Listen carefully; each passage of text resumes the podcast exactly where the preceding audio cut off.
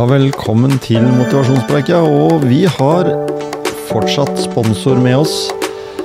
Coolbox.no. En restitusjonsboks du kan fylle med vann på vinter og sommer. Velkommen til en ny episode i Motivasjonspreik. Dagens eh, motivator og gjest er Pål Haugerød. Vi skal bli bedre kjent med han og hans eh, lidenskaper.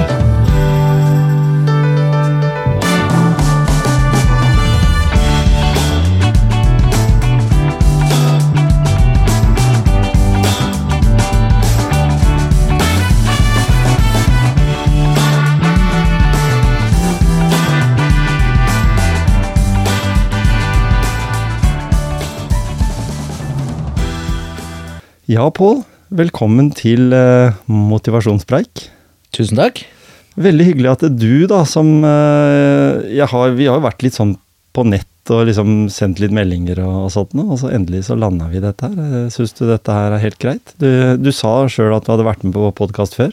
Vært med på et par uh, før, Ja. eh, og blir vel aldri vant med det. Eh, men det er jo moro, da. Ja. Så det, og så er det jo Sjøl så syns jeg det liksom er motiva motiverende å høre andre. Mhm. Eh, så grunnen til at jeg stiller opp, er jo eh, da at kanskje andre også blir motivert av hva jeg har drevet med. Nettopp. Og motivasjon, det er jo jeg veldig glad i her i Motivasjonspreik. Du er vokst opp på Gulset. Jeg sier Gulset, for det er det det heter. Det er Gulset. Må ikke finne på å si Gulset. gulsett. Jeg klarer ikke å si det sjøl engang. Nei, vanskelig. Så Det, det er er- som å nei, er si Gulset. Skien eller Skien eller hva det måtte være. Altså vi sier Skien. Ja.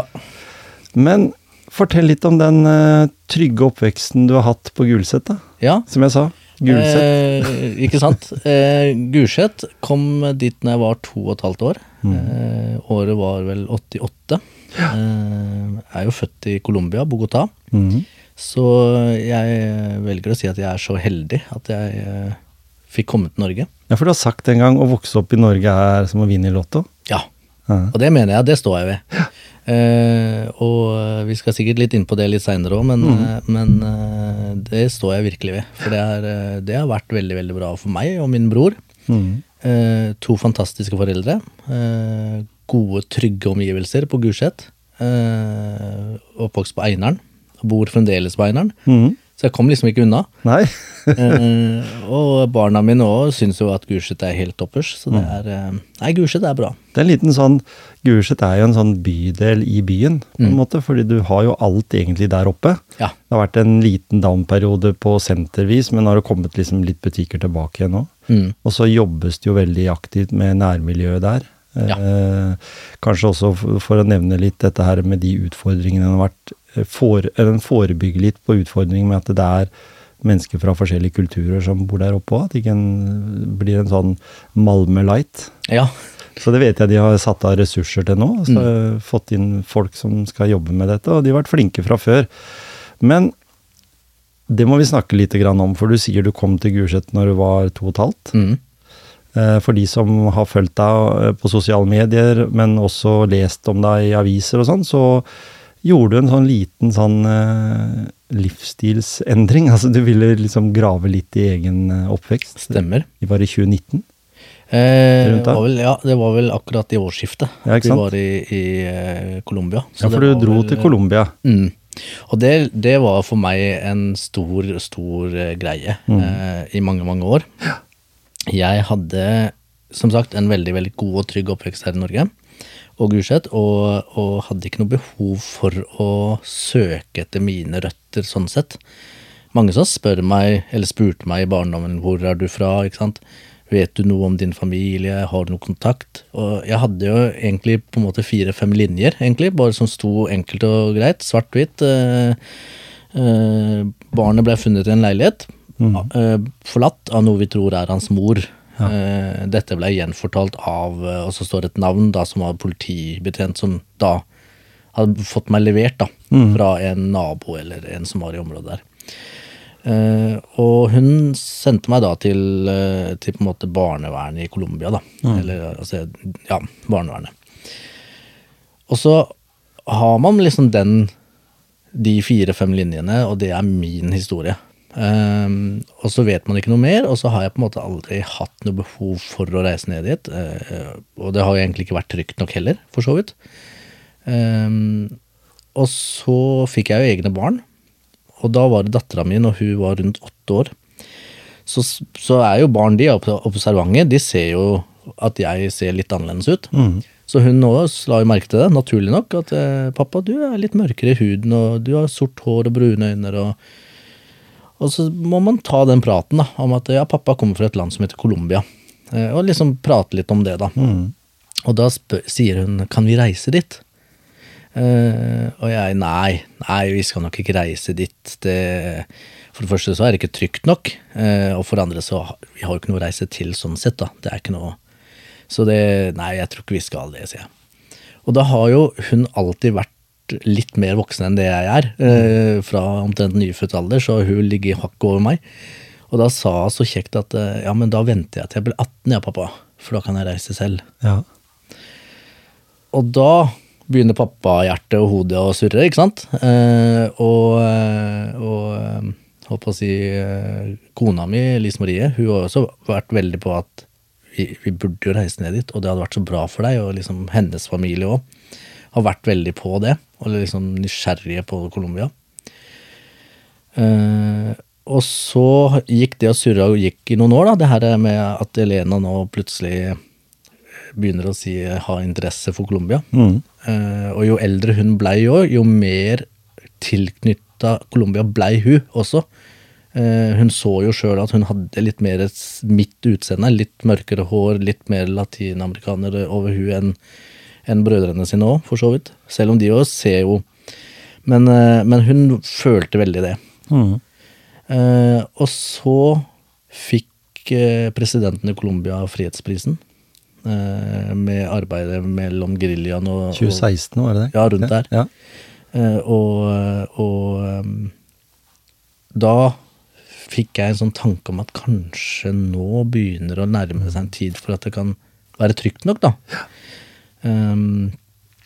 og så, holdt på å si, det var jo sørgelig det òg, men, men, eh, men eh, min bestemor, eller mormor, hun, hun døde. Eh, og jeg arva litt penger, rett og slett. Det er sånn. Eh, og da åpna det seg det økonomiske òg. At plutselig så satt man jo faktisk med et beløp man kunne bruke på en reise. Mm. Så jeg sa det til, til kona mi, at en dag, bare plutselig, ut av det blå, vi satt i stua, og så sier jeg Skulle ikke reise til Colombia, da? Og hun bare Hæ? Eh, ja. Jo, selvfølgelig. Når? Nei, vi må jo Nå, nå må du smi mens eh, jernet er varmt, se, for det, plutselig så ombestemmer jeg meg. Så, så det gikk bare noen dager, så bestilte vi tur. Eh, og da, da var det liksom sånn Da var den prosessen i gang. Nå skal vi faktisk ned dit. Ja, for du, var stemt vel for at det skulle være en ferietur i utgangspunktet? var det Ja, det? det var et av mine kriterier. Ikke sant? At uh, jeg skal ikke ned Altså det første folk spør om. Det Ikke sant? skulle ikke være Tore på sporet, Nei. liksom? Nei. Jeg skal ikke ned der for å leite etter mine røtter. Jeg skal ikke finne ut noen ting. Eh, Jeg skal ned og oppleve landet, kulturen og folka. Det er det jeg skulle ned der for. Mat, drikke, ikke sant. Altså alt det her eh, opplevelsene rundt Å være turist, rett og slett. ikke sant.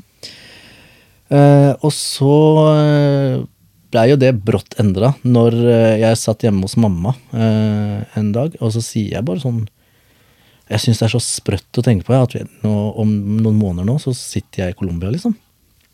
Og da sier mamma ja, har du tenkt å besøke det stedet hvor du ble funnet, da? Uh, og for meg var det helt nytt. Mm. Så jeg sier ja, vet vi hvor det er? Ja, jeg mener det at du har det i disse papirene dine. For jeg har en, en perm med masse papirer. Eh, de har aldri skjult noe for meg, Nei. eh, mamma og pappa. Så Det er vel har- greit òg, er det ikke det? Eller føler du det sjøl, at de har hatt det åpent? Ja, det har jo vært veldig, veldig bra for meg. Jeg vet jo at andre har syntes at andre adopti- adoptive har på en måte tenkt at nei, jeg vil ikke vite noe Nei, dette vil Ikke sant? At de syns det er litt ekkelt og er litt åpne. Distanserer seg litt fra det, liksom? Mm. Eh, men for meg så har det vært veldig, veldig godt og trygt. Eh, og, og vi har prata Vi har jo prata om ting òg, liksom, men, men det var helt nytt for meg at vi hadde den adressen. Så da begynte jeg, når jeg kom hjem da, så tenkte jeg bare eh, Jeg kan jo se hva vi finner, da. Bare sånn hva er adressa, for jeg var nysgjerrig på hvor, hvor i Colombia er jeg fra, hvor i Bogotá, ikke sant. Jeg har hørt mye rart om Bogotá. Mm. Uh, og jeg visste jo at jeg var fra Santa Fe-området, som er et svært belasta område. Uh, og, uh, og så fant jeg jo plutselig noe Altså jeg fant en rapport da, fra barnevernet i Colombia, hvor da det sto dokumentert hvor jeg var funnet, og så fant jeg noe som så ut som en adresse. Eh, og så søkte jeg på det, og så var det en adresse. Ja. Og så viser det seg at den adressa er eh, Den lå ca. kvarter 20 minutter fra hotellet vi skulle bo på. Helt tilfeldig. ja, for vi har jo Google i dag, så du kan jo finne ut av det. Så, så gangavstand, Ja. kvarter 20 minutter, det er jo en fin gåtur, det. Mm -hmm. så jeg tenkte at ja, når vi først er så nære, så er det jo dumt å ikke sjekke opp. Sant? Men så er det Santa Fe, Mm. og så, så jeg var liksom litt sånn Vi får høre litt. Så vi bestilte jo en tur med guider og hele pakka. Så når vi kom ned dit, eh, på flyplassen, eh, og så spør jo guiden liksom sånn på vei inn til hotellet, da, så spør guiden eh, ja, har dere noen ønsker for Bogotá? Altså dere, er det noe spesielt dere har tenkt? Og så tenker jeg med meg sjøl at eh, det er nå eller aldri. Eh, så jeg, så jeg sier, eh, sier på min uh, gebrokne engelsk, norsk-engelsk, at eh, jeg er adoptert eh, fra Bogotá. Og jeg har en adresse her hvor jeg ble funnet. Og lurer på om det er mulig å oppsøke den adressen. Eh, og så gir jeg lappen. Og når hun leser den lappen, så er det akkurat som hun får en beskjed hun ikke vil ha. Ja. Fordi at hun endrer helt ansiktsuttrykk. Hun blir nesten litt sånn likbleik, liksom. Du, du er nesten litt sånn derre Og så snur hun seg til sjåføren, eh, og så hører jeg at hun sier et eller annet med Santa Fe. Eh, og, og liksom sånn. Og han snur seg til hun og ser egentlig veldig sånn skremt ut. Ja. Eh, du ser at øya er litt sånn 'dette vil jeg ikke', Eh, og så rister han på øya og så sier han nei, nei, nei. Eh, og så forklarer hun meg da at Santa Fe er jo så belasta og fullt av kriminalitet at det er ikke trygt, rett og slett, for turister å oppsøke Santa Fe. Eh, vi fikk jo et område når vi var i Bogotá, eh, som heter La Candelaria. Det var det området vi kunne være i. Eh, Kall det Skien sentrum, ikke sant? ja, for det kan bli rana liksom sånn på lys dag, liksom. Det, ja. ikke sant? Og, det, og La Candelaria er kjent for å ha mye studenter, mye, mye med sånne universiteter. eh, så der er det relativt trygt for turister, så derfor anbefaler turister at de skal være der. Og det er, Da har du gangavstand til de aller fleste store turistattraksjoner i Bogotá. Ehm, så der er det trygt. Og så sier hun at du kan gå 500 meter den veien, og peker bort i gata, der er et lyskryss. Du må ikke finne på å gå over der. For da begynner du liksom å bevege deg utafor det her trygge, gode Ja, ja. Såpass, ja. Eh, Da kunne ikke de garantere for vår sikkerhet. Ikke sant? De var ganske sikre på at det ikke ville skje noe i La Candelaria med oss, for der er det mye politi, mye synlig politi, mye vakter eh, og lite kriminalitet. Eh, mens utafor, altså på andre sida av veien, der vil du ikke gå. Ikke? Der kan vi ikke garantere noe. Det kunne være liksom på øvre og nedre del i Hespa hvis en sier sånn. da. Nesten sånn, ja. Ja, du kunne stå nede på Arkaden, Ja. og så kan de si du kan gå opp til biblioteket, men ikke lenger. Nei, Ja. søren. Så, er- så, så ekstremt er det, da. ikke sant? Eh, og, og hun viste jo også områder når vi var For det er et fjell i Bogotá som heter Monserrate, eh, hvor du får da utsikt over hele byen. Eh, og da sier hun der er hotellet deres. Og hvis jeg ser da oppi skråningen der, der er en kirke. Ja, se, det er to-tre kilometer, kanskje. Sant? Der er det fullstendig kaos. Der er naboene, de er uvenner. De, går du på feil side av gata her, så kan du bli skutt. Rett og slett. Ja. Så ekstremt høres jo helt vilt ut, og, og det er det. Eh, og det er liksom sånn at da skjønner du godt du har vært i Norge, da. Eh, så vi blei jo bare rett og slett fraråda å reise inn til den adressa. Men så kom jeg på at jeg har en kompis her i byen som heter Gisle, eh, også fra Gulset, som har vært i Colombia mye. Gisle Lunde, ja. Ja, Og han, han har jo nærmiljøsenteret. yes, Ikke stemmer. sant? Så, og han, eh, når han hørte at jeg skulle til Colombia, så sa han bare enkelt og greit Hvis du trenger hjelp med noe, så sier du fra til meg. Mm. Jeg har kontakter overalt, så dette fikser vi. Jeg ikke en kompis med noen bror av presidenten eller et eller annet? I hvert fall langt Han- opp i systemet. Han har så mange kontakter at det er, det er helt Han har jo vært der mye òg. ja. Ja. Uh, Så jeg kom på det, Mm. og sender da melding til Gisle uh, Vi har én fridag i Bogotá, Uh, så kvelden før den fridagen så sender jeg en melding til Gisle. Og så sier jeg det at jeg har blitt fraråda å reise inn til den adressen, men jeg føler så sterkt på at jeg, jeg vil det. Jeg, jeg er så nære. Mm. For da var det plutselig satt i gang en liten brann inni meg. Ikke sant? Ikke sant? Sånn der, Dette vil jeg se. Ja, Du kunne få på en måte svar på det, det var bare at det, for det var så nært, Ja. men allikevel så langt unna. Mm. Mm. Så jeg var sånn Jeg vil. Jeg, jeg kan ikke være så nærme og ikke få det til. Så jeg sender melding til Gisle, og han eh, eh, sier jo bare enkelt og greit Jeg setter deg i kontakt med en som heter Øyvind. Øyvind Berberg. Eh, jeg tror faktisk han er på jobb nå, men vi prøver, sier han. Så vi, han eh, sender meg en Eller han sender da Øyvind en melding. Og Øyvind er jo Han har bodd i Bogotá og Colombia i mange år. Så han og har masse kontakter, han òg. Så han blei jo bare Yes, dette må vi få til. Så Øyvind ringer meg. Eh, Jeg har aldri snakka eller møtt Øyvind før det her. Eh, Han ringer meg, sier at dette skal vi fikse. Jeg har en fyr som heter Nelson.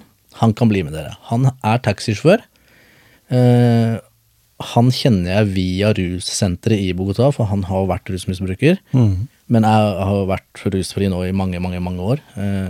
Han er vel 40-50 åra, tenker jeg. Og har vært rusfri de siste 20-30 åra, da, ikke sant. Så han kan bli med dere. Og sammen med han så er dere trygge, for han kjenner miljøet, han kjenner folka der inne. Mm. Uh, det er ett problem. Nelson kan ikke engelsk, og jeg kan ikke spansk. Mm. Uh, så litt fram og tilbake eh, så finner jeg ut at eh, jeg har jo ei venninne i Skien som har en søster som kan norsk. Ja. Som bor i Colombia. De er fra Colombia, da. Eh, og eh, vi har jo egentlig med en presang til henne.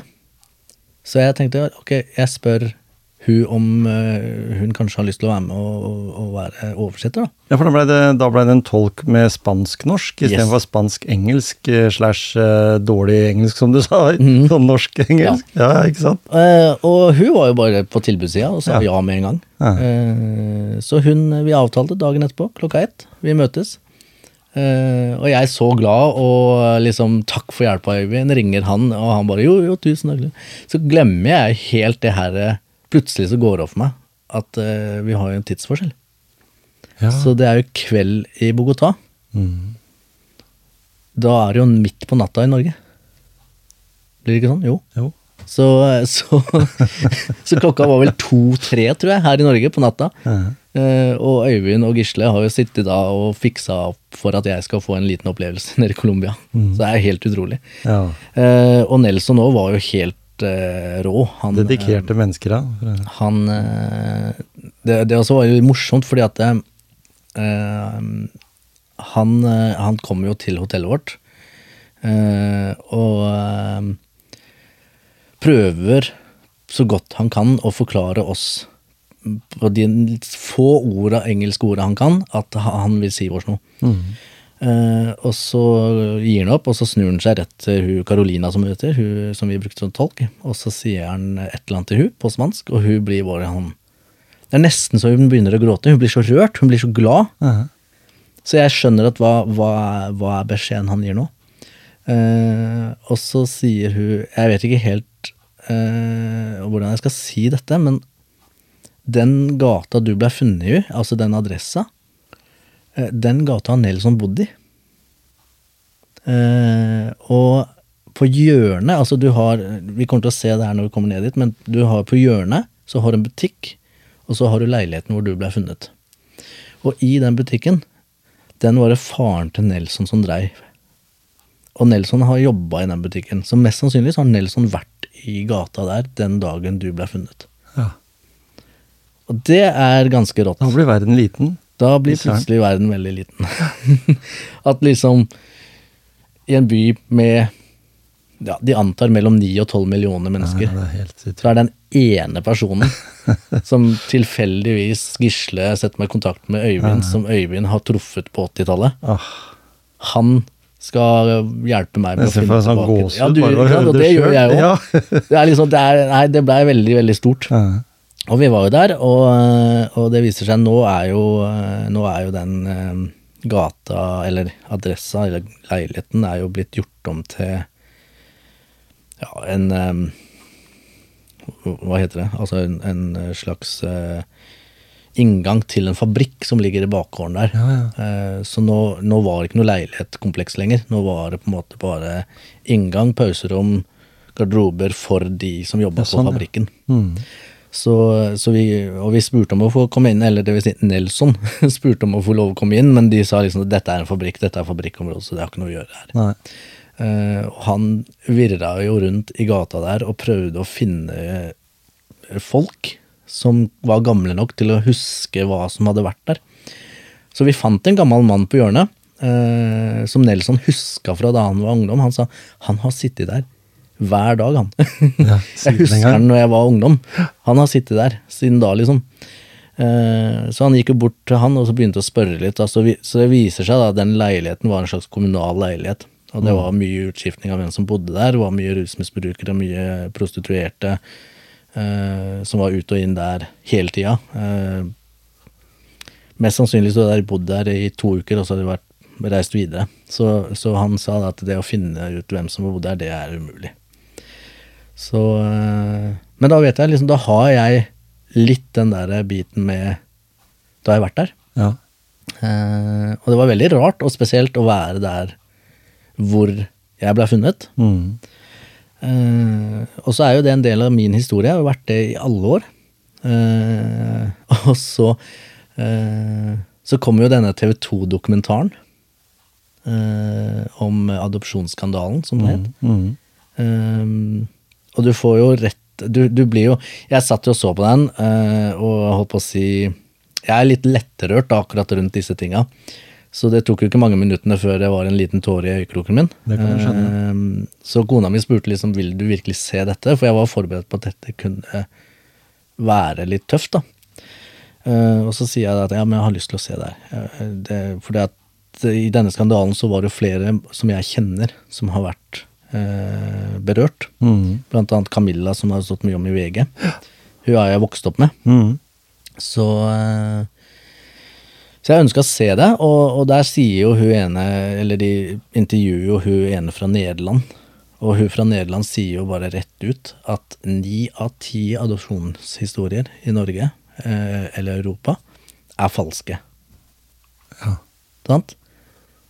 Og så begynner man liksom å tenke sånn på sin egen historie.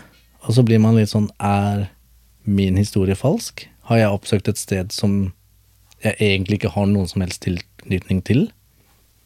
Eh, ikke sant? Man plutselig så bare forsvinner ja, det er det, vet du. Mm. Så, så eh, det har vært litt tøft. Mm. Eh, men, eh, men jeg er egentlig Jeg er fremdeles ganske nysgjerrig. Eh, og jeg har, jeg har søkt om innsyn i mine papirer, og fikk det her for noen uker siden. Eh, og var egentlig liksom forberedt på at jeg ikke kom til å finne noe særlig. eh, for jeg har jo egentlig alt fra før. Men så er det et par ting da, i de papirene som gjør at jeg liksom blir litt sånn Ja, hva er min story? Mm. Så Og så bærer min adopsjon av Altså, jeg har prata med masse folk og oversatt masse papirer. Eh, og, og min adopsjon bærer liksom preg av dårlig tid. Det må ha gått veldig fort, virker det som, for de som kan det her.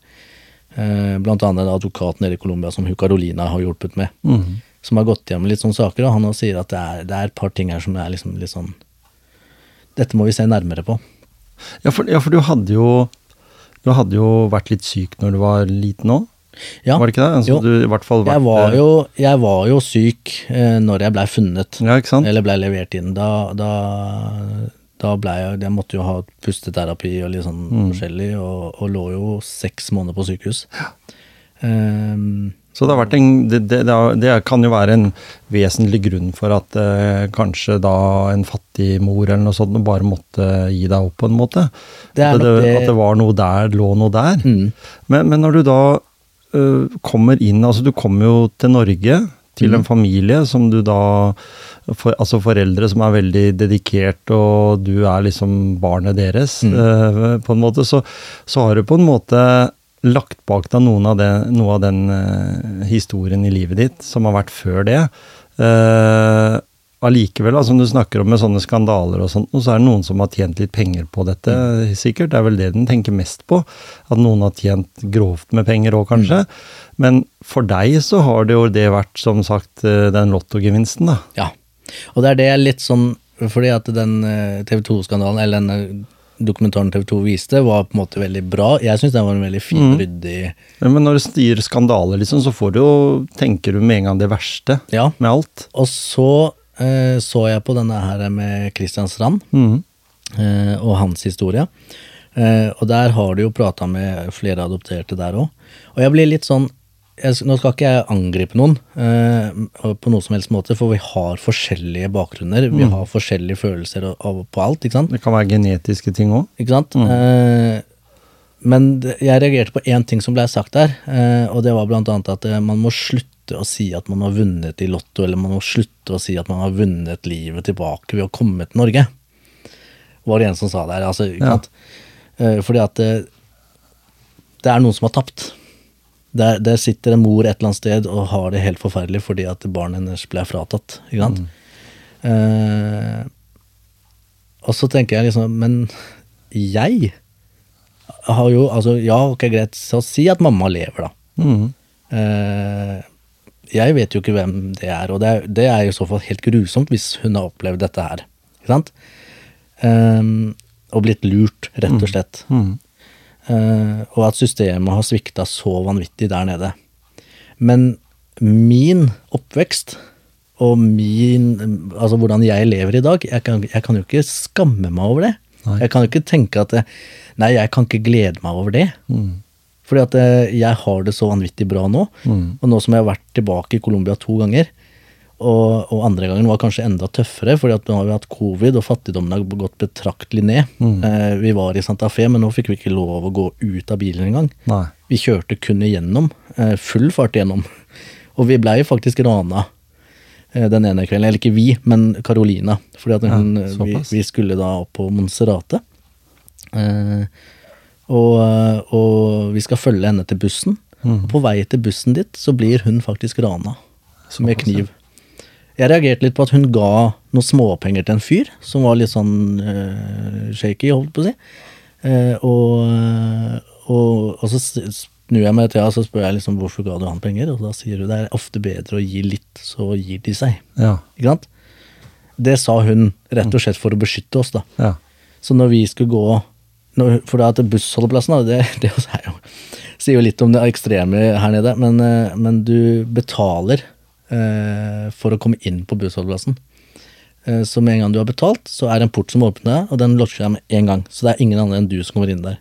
Sant? Så disse her som da tygger penger eller skal er i fare for å rane deg, de, de kommer ikke inn der. Med mindre de har penger, da. Mm. Eh, Så hun sa jo det, når jeg nå går inn, så må dere bare komme dere så fort som mulig tilbake til hotellet. Gå en annen vei. Ikke gå den samme veien, gå en annen vei. Ja. Og så gjorde vi det, og så så vi at han egentlig fulgte litt etter oss, og vi ble litt sånn, vi går så fort vi kan, og så var det trygt og godt. Eh, og så fikk jeg vite i ettertid at han, hun ble faktisk rana mens vi sto der.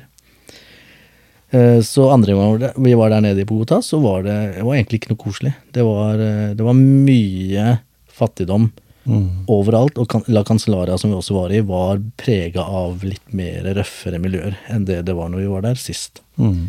Så, um, så det får liksom en sånn aha-opplevelse. Og nå som jeg har vært der nede og sett de tinga sjøl, så blir jeg egentlig bare enda gladere for at jeg er i Norge Ja. og har det så innmari godt som det jeg har. Ja, strømprisene er høye, man har litt sånn, ikke sant. Vi har våre ting, men totalt sett så har vi det så vanvittig bra. Mm. Kan hylle demokratiet og, Så, uh, og den også, måten den har i Norge? Ja, og så, men, men nå har jeg opplevd det. Nå har jeg Mm. sett det med egne øyne. ikke sant? Altså, hva som er der nede. Og jeg, jeg kunne aldri tenkt meg liksom at og jeg, altså, tenk å Tenk å liksom vokse opp her. Ikke sant? Jeg er voksen, jeg sier det sånn. ikke sant? Tenk å vokse opp her. Det er jo ikke noe stakkars, liksom. Ja, hva, hva, hva tenker du hvis du da skulle finne på For det er jo sikkert noen som er så dedikert, de må bare tilbake igjen der de kommer fra. Mm. Ta med seg familien sin og flytter dit og kanskje Det kan jo være at det, en kan være i miljøer, f.eks. eksempel så er det jo misjonærer eller. Ja. på å si sånne, sånne uh, Vi har jo vært inne på tanken Ja, der òg, med å bidra med noe. ikke sant? Ja. Men vi kunne aldri tenkt oss å bo der fast. Nei, ikke sant? For det Kanskje seks måneder, kanskje et år, kanskje to år. ikke sant? Ja. Men, men det er ikke for oss så ligger ikke der at vi kunne bodd der resten av livet. Nei. Det er noen som gjør det, og du, det er andre byer i Colombia som er på helt andre måter enn Bogotá. Mm. Og Santa Fe er jo et av verdens mest kriminelle steder. Eh, ikke sant? Så det er, liksom, det er ikke et område du ferdes i sånn, da. Da skal du vite hva du driver med. Han, men han presidenten som fikk fredsprisen, han har vel kanskje gitt opp litt, eller? Han er ute. vanskelig. Han er ute, han, ja. Han er ute, så nå er det en ny president. president. Og det var jo litt spennende, hvem som, for det er jo veldig spennende hvis man leser seg opp litt på historien til disse presidentene. Eh, og han som vant nå, eller eh, hvis ikke jeg husker helt feil, er jo også uh, tilknytta M, var det M17 det het, eh, en terrororganisasjon Ja. som jobba for Escobar. Såpass. Der var han med, Ja. sant? Eh, så det er liksom, Og han er president nå, så han er jo litt mer sånn Han hadde gått med penger, han da. Han kjøpt seg en plass. Det er, det er ekstremt mye korrupsjon i Colombia. Ja. Og det er det det ligger i og, sant, med disse adoptivsakene òg. Ja. Altså at det er uærlige mennesker som ser sitt snitt til å tjene litt ekstra penger. Så her kan det være eh, enkelte som har blitt fratatt foreldre òg, Mm. Det, på en måte. Eller i hvert fall mammaer, er da. Fordi kanskje mange. pappaene har vært i kløen på de allerede, og så har det vært en mulighet til å komme ut av det, Mm. på en måte. Slippe å bli, bli tatt livet av i verste fall. Mm. Huff da. Nei, eh, både positivt og negativt dette her, eh, Pål.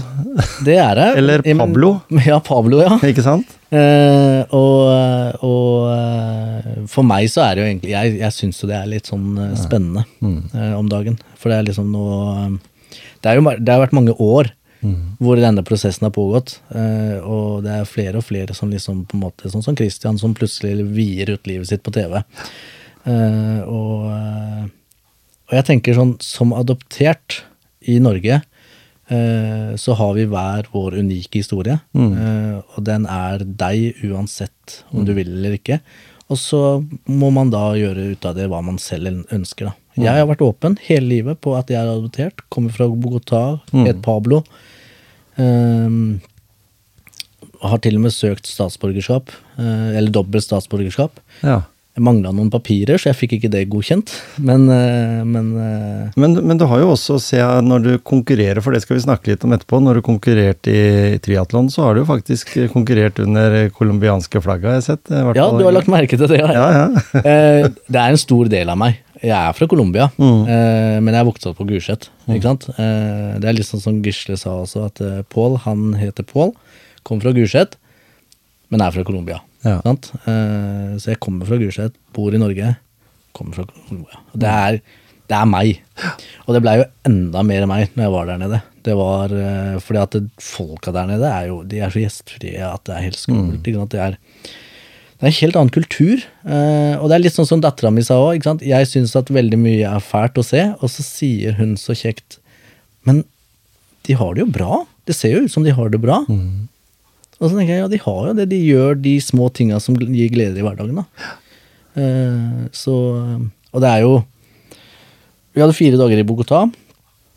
Og så hadde vi fire dager i Medin, og det er to vidt forskjellige byer. Medin er jo London, Barcelona, Paris, ikke sant. Eh, på vei til å bli en kjempestorby med masse eh, ny, ny, moderne teknologi. Eh, ikke sant?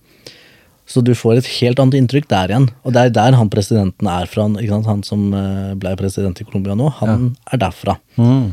Så det er et veldig håp i folket der nede nå, ettersom jeg har skjønt, at han skal da bidra med at hele Colombia skal bli litt mer moderne, da, på en måte, og ikke ha så store forskjeller og sånn. Nei, ikke sant. Det er Og det. så var vi i Cartagena, og det er jo, det er jo en det er som å reise til Syden. Det er fest og liv og røre hele dagen lang. Så det er liksom sånn, det er litt hva du ønsker, da. Mm. Så har du sett landet på flere måter, liksom. Mm. Det er Så- kanskje sunt, det òg? Ja, jeg, jeg håper det. Ja, du Eh, tenker liksom litt annerledes på ja. det nå, fordi du kunne jo begynt å leite etter områder i Norge også, selv om vi er i en annen standard, som, Mm. som ville vært Det har liksom vært eh, litt annerledes å ta inn på hotell på Grønland enn eh, på Frogner, liksom. Mhm. ja, ja, men vi har? Det er, Ja, ja. Vi har jo våre områder, vi også. Ja. Mm. Så man vil jo alltid finne sine områder som du Nei, der går vi ikke. ikke? Der er det ikke så trygt. Eh, ikke sant? Plata i Oslo i 90-tallet, det var liksom Altså, altså gammelt fra med Øvre Maihaugen, ikke sant. Ja. Hadde det på Gulset, Mm. eller Gulset.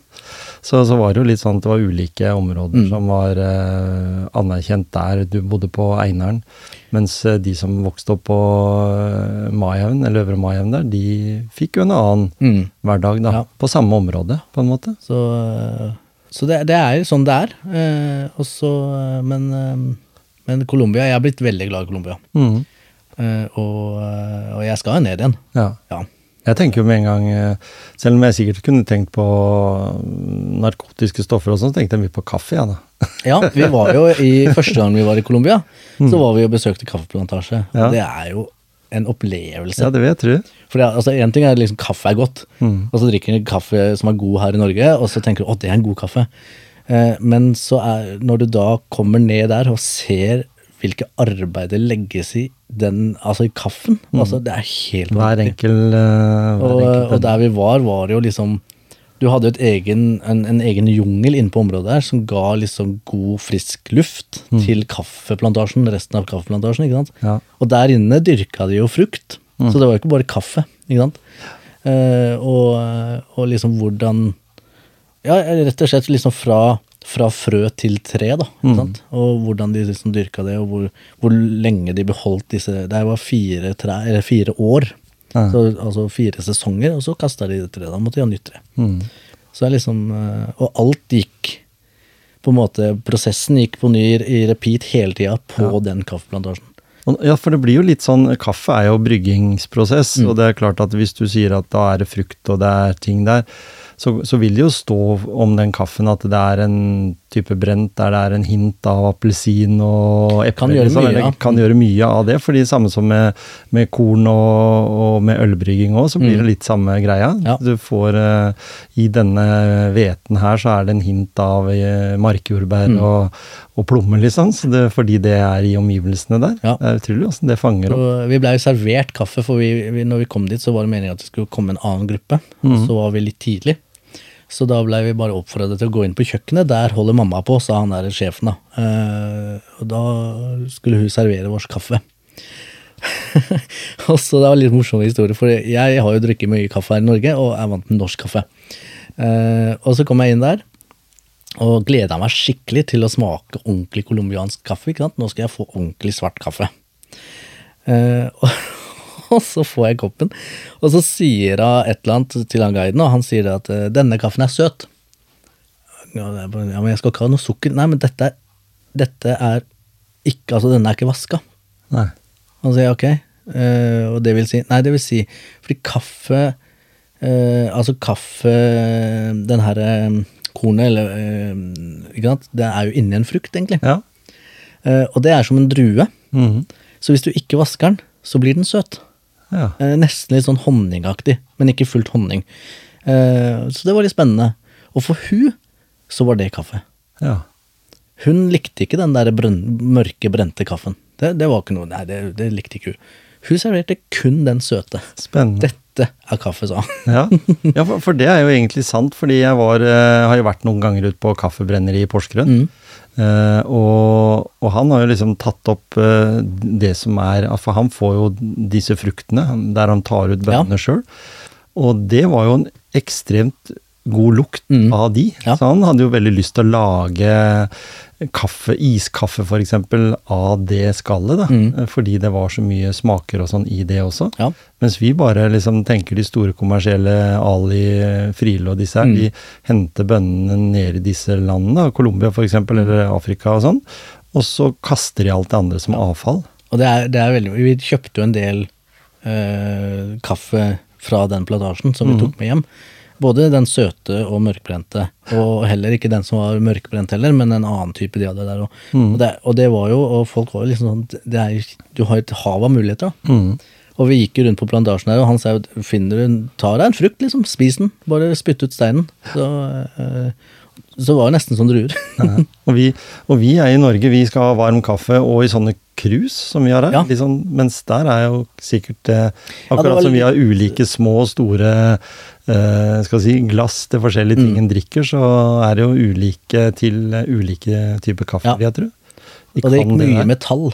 Ja, Metallkopper. ikke Det, sant? var, det la jeg merke til der nede. At de brukte kun metallkopper. Ja. Om det var fordi at det var det de hadde, jeg aner ikke, men, men det var mye av metall. Altså. Mm. Det var, eh, og måten de også eh, Presskanne eller eh, den her andre, den nye nå som du får den filterposen Mm. oppå kannen, og så skal du liksom Han brukte jo fem minutter på å stå og helle den i, og måten ja. han gjorde det på, var liksom sånn Dette kunne han, dette har han gjort før. Mens jeg var bare sånn, kan du ikke bare servere den kaffen, da? Ja, ikke sant? kaffe. Jeg har jo en kaffetrakter der oppe i hylla der, jeg, faktisk, som er den Ja, se der, ja. gamle typen uh, kaffetrakter. Der du måtte koke opp vannet med en sånn uh, flamme, Mm. Uh, og så presser det vannet opp i kolba, og så slipper det ut igjen. Og så får du kaffen. Så. Ja. det er en litt sånn det Og så får du en litt annen smak enn den du er vant med. ja, ja, for det er ikke mokkamaster som gjør unna på kanskje et halvt minutt. Nei. Det er en som bruker liksom fem minutter, så Mm. får du en god kopp kaffe. Og den er ikke spesielt varm heller, så det var litt sånn, jeg er litt sånn glad jeg liker at den skal være litt varm, da, men sier de som har greie på at det er best aroma hvis den er litt Jeg eh, syns den er best aroma. Ikke sant? Det, det er, og det er nesten litt sånn der at uh, fruen hjemme hun er litt sånn der uh, Du må drikke den, da. Det er nå den er varm. Ja, men varm kaffe er jo egentlig ikke så godt. Det, det er mye bedre med litt Litt eh, lunka kaffe. Det er perfekt for meg. Ja. Så jeg, jeg kan gjerne lage meg en sånn presskannekaffe. Kan den stå i en 10-15 Ja, ja. minutter? Da er jeg fornøyd. Mm. Ja. Genialt. Det er så fint med det med kaffe og de ulike eh, altså det er jo liksom, det er liksom som en øl, ikke sant. Noen liker ripa, noen liker stout. Og det er liksom sånn, og sånn gjelder jo også kaffe, egentlig. Ja, ulike måter å servere på. Enten du skal servere den kald hvis det er en pils, eller, Mm. eller varm, eller romtemperert hvis det er en mørk. Og du nyter jo en god øl, du òg, selv om du er eh, Det gjør jeg. Jeg har jo kjøpt øl av deg. Ja, ikke sant? Så, Så, selv om du er gula Gulating, så Ja. var jeg ofte der nede. Jeg takker for det, vet du, at jeg hadde noen faste kunder òg. Ja. Det, det var greit, det. Det var det. det Savner den tida der, da gikk an å stå og anbefale god, god øl til, til dedikerte Nå har, personer. jeg- oi, og nå har jeg jo faktisk fått eh, sånn veldig enkel bryggesett til jul. Ja. Så nå har, jeg, nå har jeg noen sider stående hjemme som holder på Ja, ja. å godgjøre seg. Så jeg er Kjør veldig på. spent på det. Jeg har også nede på 19 grader eh, Jeg har, hadde et opphold på 15 år, for jeg i de siste 15 åra har jeg hatt tilgang på ubegrensa møll, egentlig. Mm. Fordi jeg kjenner så mange som brygger og gjerne vil at jeg skal smake på det. Så når jeg brygga noe sjøl, som er ferdig neste mandag, da skal vi tappe det på flasker, tenkte jeg. Så det er eh, etter 15 år. Ja. Ta opp igjen eh, gamle Ja, nei, det er litt mer tålmodig nå. Ikke sant? Sider, som du sier, det er jo eh, gull, fordi det er Og jeg kjøper sånne mm, ferdige sett, ja, sånn Ja. man kan helle, helle den ferdige vørteren. Ja. For det passer meg bra. Jeg er ikke sånn som skal stå på kjøkkenet og koke så lukte lukter gamle lundtang liksom, i hele huset. Nei, det var veldig greit. Jeg fikk det til jul, og, og det var jo så lett. Det var Ja. bare å koke opp litt vann sånn, og så skulle det være vann der, og så var det sideren sånn, og så skulle det liksom stå og gjøre seg sjøl. Ja. Men så må man jo følge litt med, da. Så jeg var jo veldig spent. Jeg var jo inne flere ganger om dagen bare for å se om det gjæra, liksom. Om det bobler litt. om det bobla litt. Så plutselig så ser du nedi dunken der at det, det liksom det, det, det beveger seg. Noe som skjer. Ja. Så ble jeg nesten som et lite barn. vet du. Ja, ja. Det har vi lov å være. Når det gjelder eh, noe som jeg har lyst til å snakke om først, så vil jeg høre litt om Du er jo et, en, en person vi ser eh, som vekter. Ja, ja. Det er litt som en jeg har hatt med før, er sikkerhetsproffen. Han eh, gikk, jo Ja, med, gikk jo med tøyet hele tida, nesten, Mm. syns jeg i hvert Ja. fall. I hvert fall når jeg var der. Men uh, du er jo kjent uh, på de største sentrene Men jeg ser det jo mest på Hercules.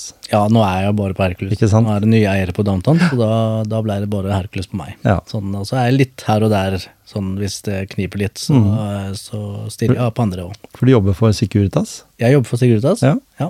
så Tyttebærpolitiet, som vi kalte det når vi skulle være litt Det er tyttebær, det er tre tyttebær, så det er Ikke sant? så, Og det er, det er ganske artig, for det er fremdeles så får vi høre det, altså. Ja. Det er, ja.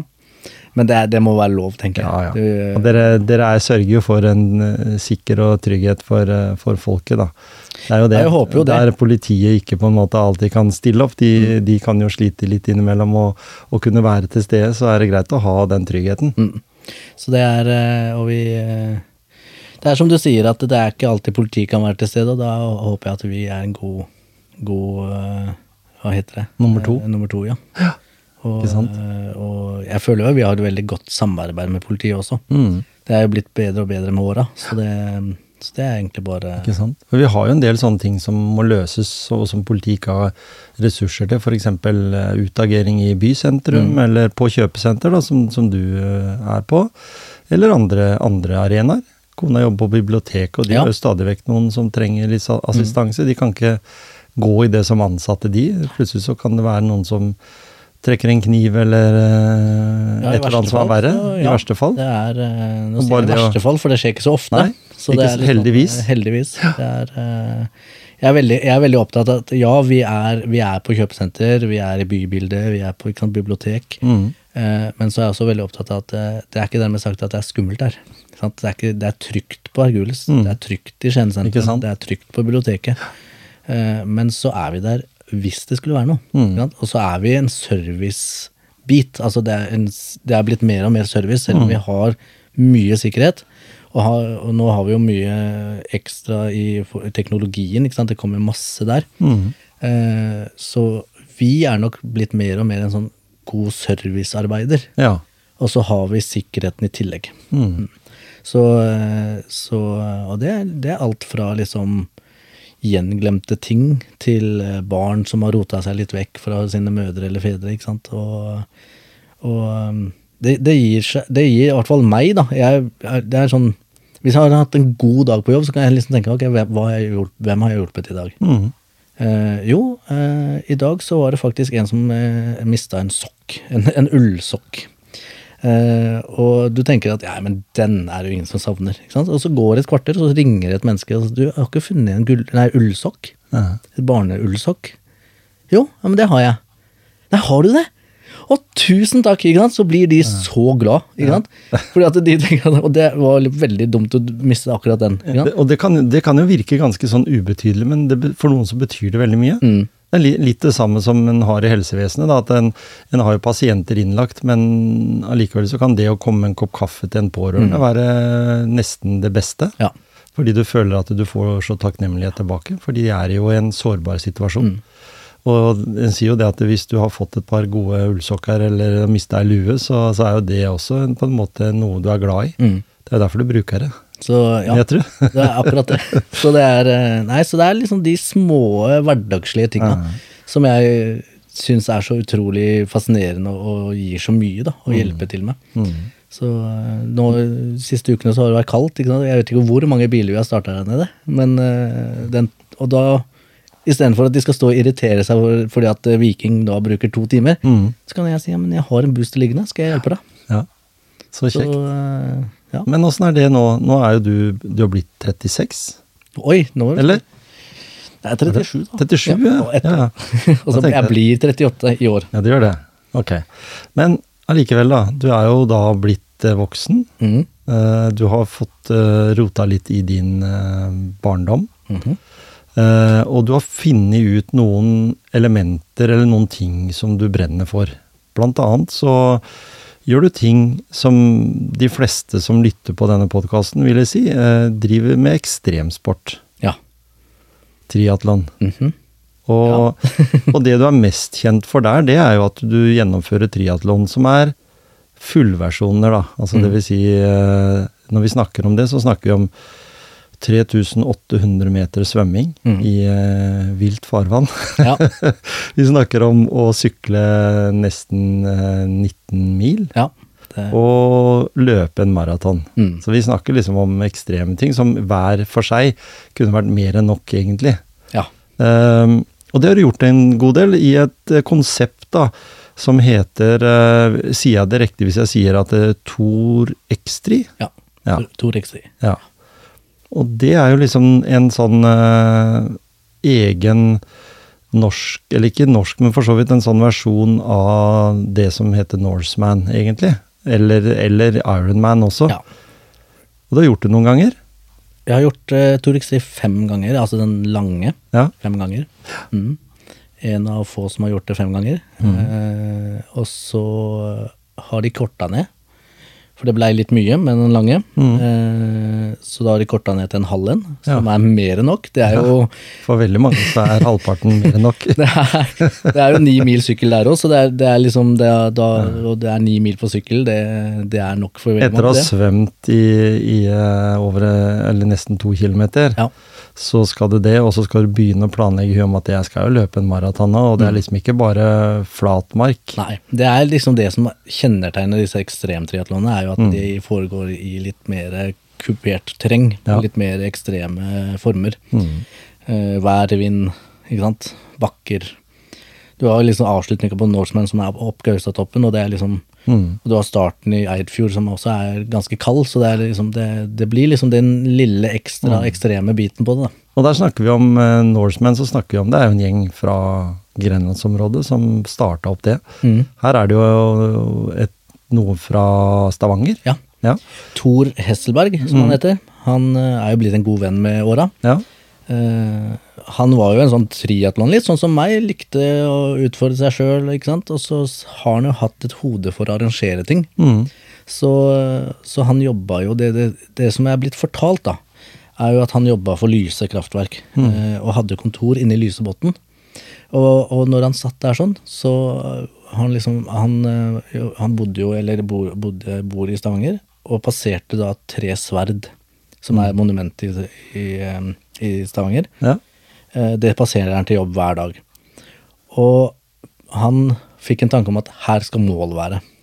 Ja. Eh, Hvis jeg skal arrangere en triatlon, så skal målet være her. Ja, for jeg har sett på videoer der dere løper, og så Ja. toucher dere det Yes. som godt i målet. Og så har han, og så fikk han da kontor og jobb i Lyse, eh, og satt inne i Lysebotn. Eh, han får arrestere meg hvis det her er helt feil, men det er i hvert fall det jeg har blitt fortalt. At han da satt en dag, satt på kontoret sitt, og så så han da utover Lysefjorden. Eh, for det kontor, eller det lyseanlegget, det er jo rett ved vannet, er jo fem meter å gå, så er du i vannet. Eh, så ser, ser han utover Lysefjorden.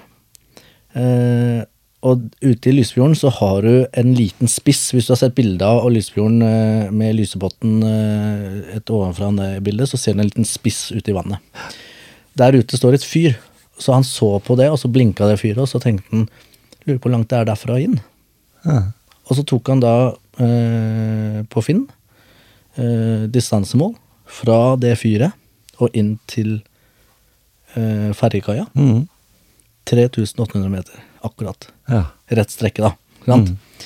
Eh, da har du svømmeetappen. Da er det bare å finne nok sykkeltrasé.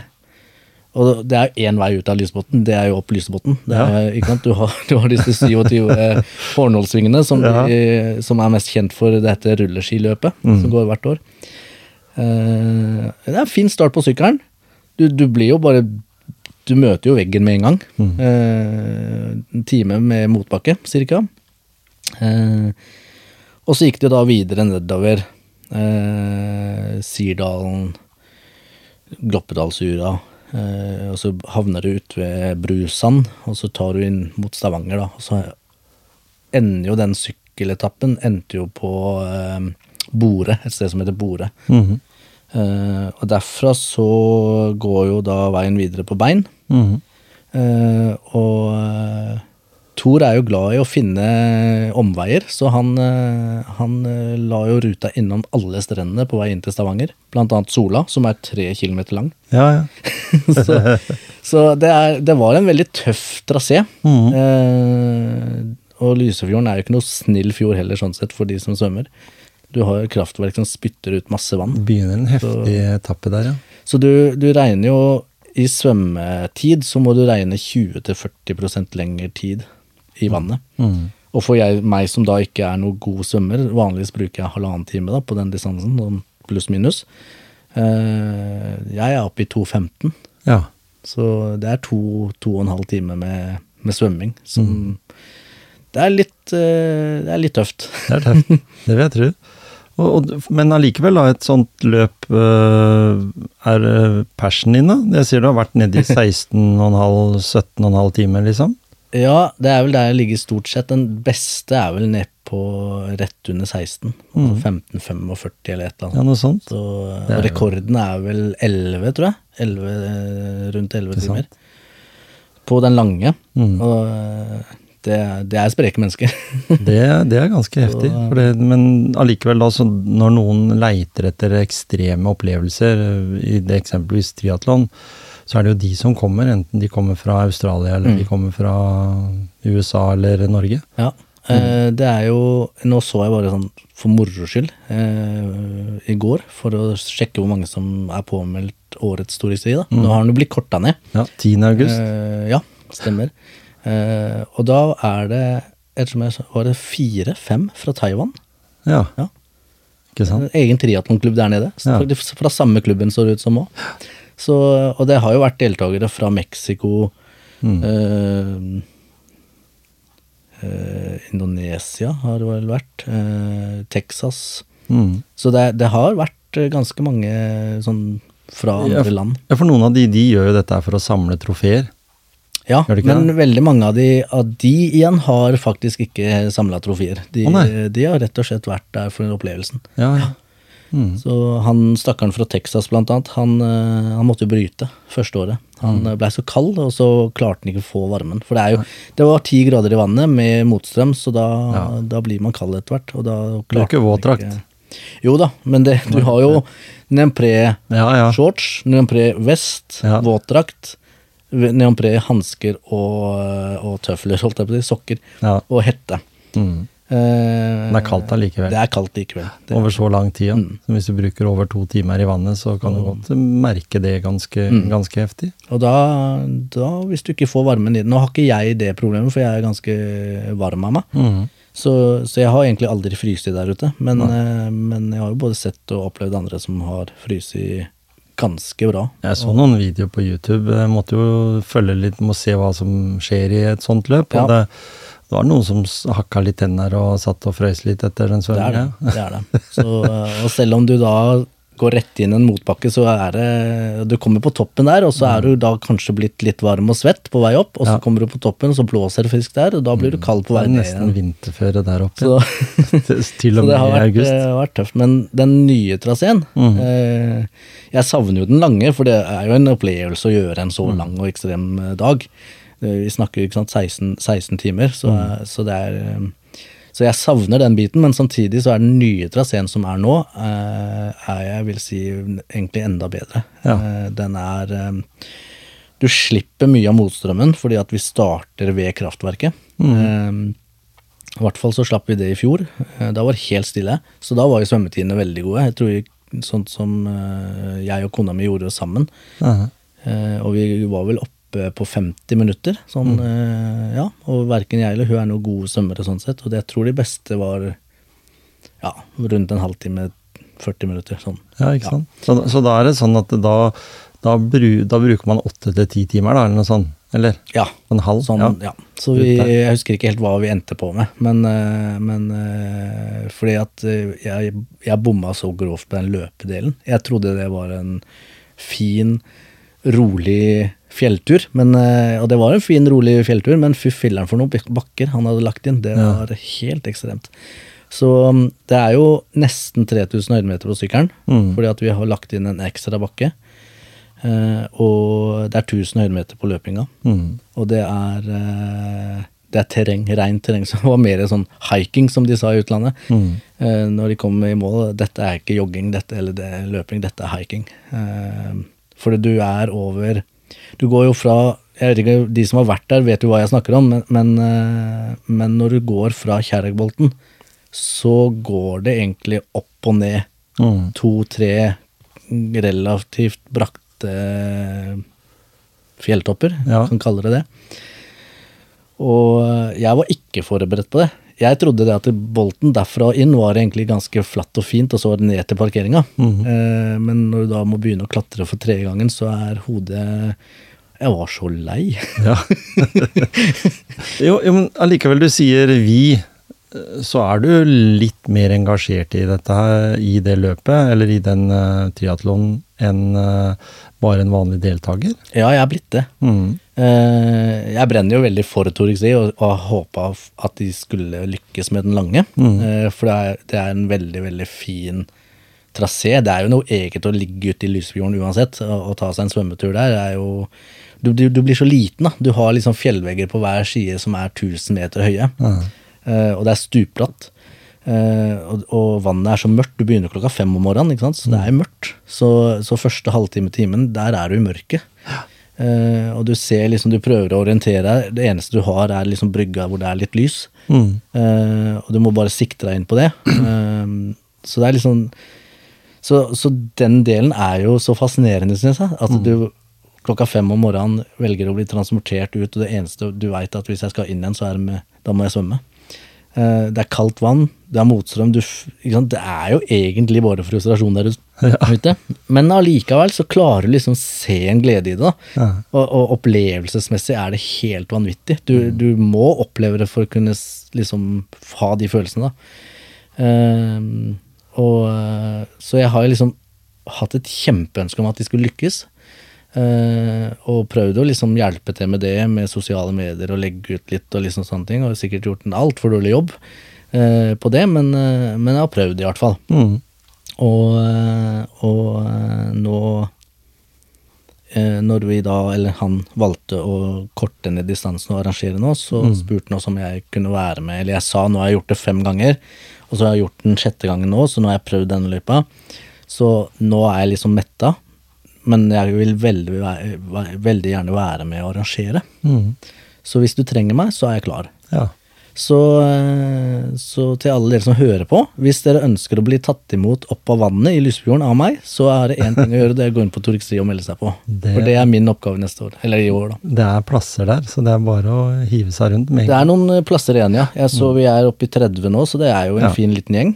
Og nå er jo alt lokalisert i Lysebotn, Mm. så alt foregår der. Og vi har en uh, fin og hyggelig middag på kvelden, uh, alle sammen, så, som er med i prisen der. Så det er uh, med utdeling av trøyer og det ene og det andre. Så Ja. det er, og Tor er fantastisk til å finne sånne småting hele tida på å, å ta seg tid til å bli kjent. Mm.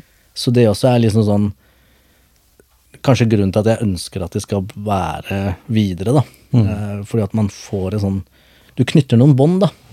Og, eh, og de du møter av andre deltakere òg. Du, du får nye venner, du får bekjentskaper, og, og det, er, eh, det er egentlig bare gøy. Det, er, eh, det er det.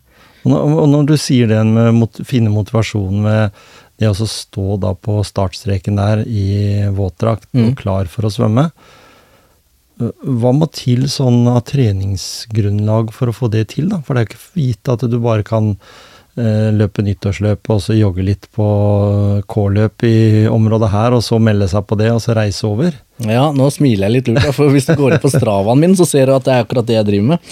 Men eh, Ja, men, ja, ja, jeg, jeg, jeg, trener, eh, jeg trener nok litt mer enn folk flest. Eh, Det gjør jeg nok, selv om jeg skulle trent enda mer. Eh, Så, eh, men så er det det med tid og liksom sånne ting. Jeg prøver å få inn økter når jeg har tid. Ja. Eh, Jeg er så heldig at jeg har mølle og sykkelmølle i kjelleren, så jeg kan liksom stikke ned der og ta meg en halvtime, time med Swift. Mm. Man får gjort mye på den tida der. Ikke sant? Og eh, jeg har en bikkje som må ut på tur, og tar noen skiturer, løpeturer, ikke sant, i skog og mark. Um, og sykkelturer har eh, stort sett vært i nærområdet. Jeg er ikke sånn Jeg, jeg kjører jo på en, en timilstur i ny og ne, men, men stort sett så ligger jeg på en tre-fire mil her i Grenland. Ja.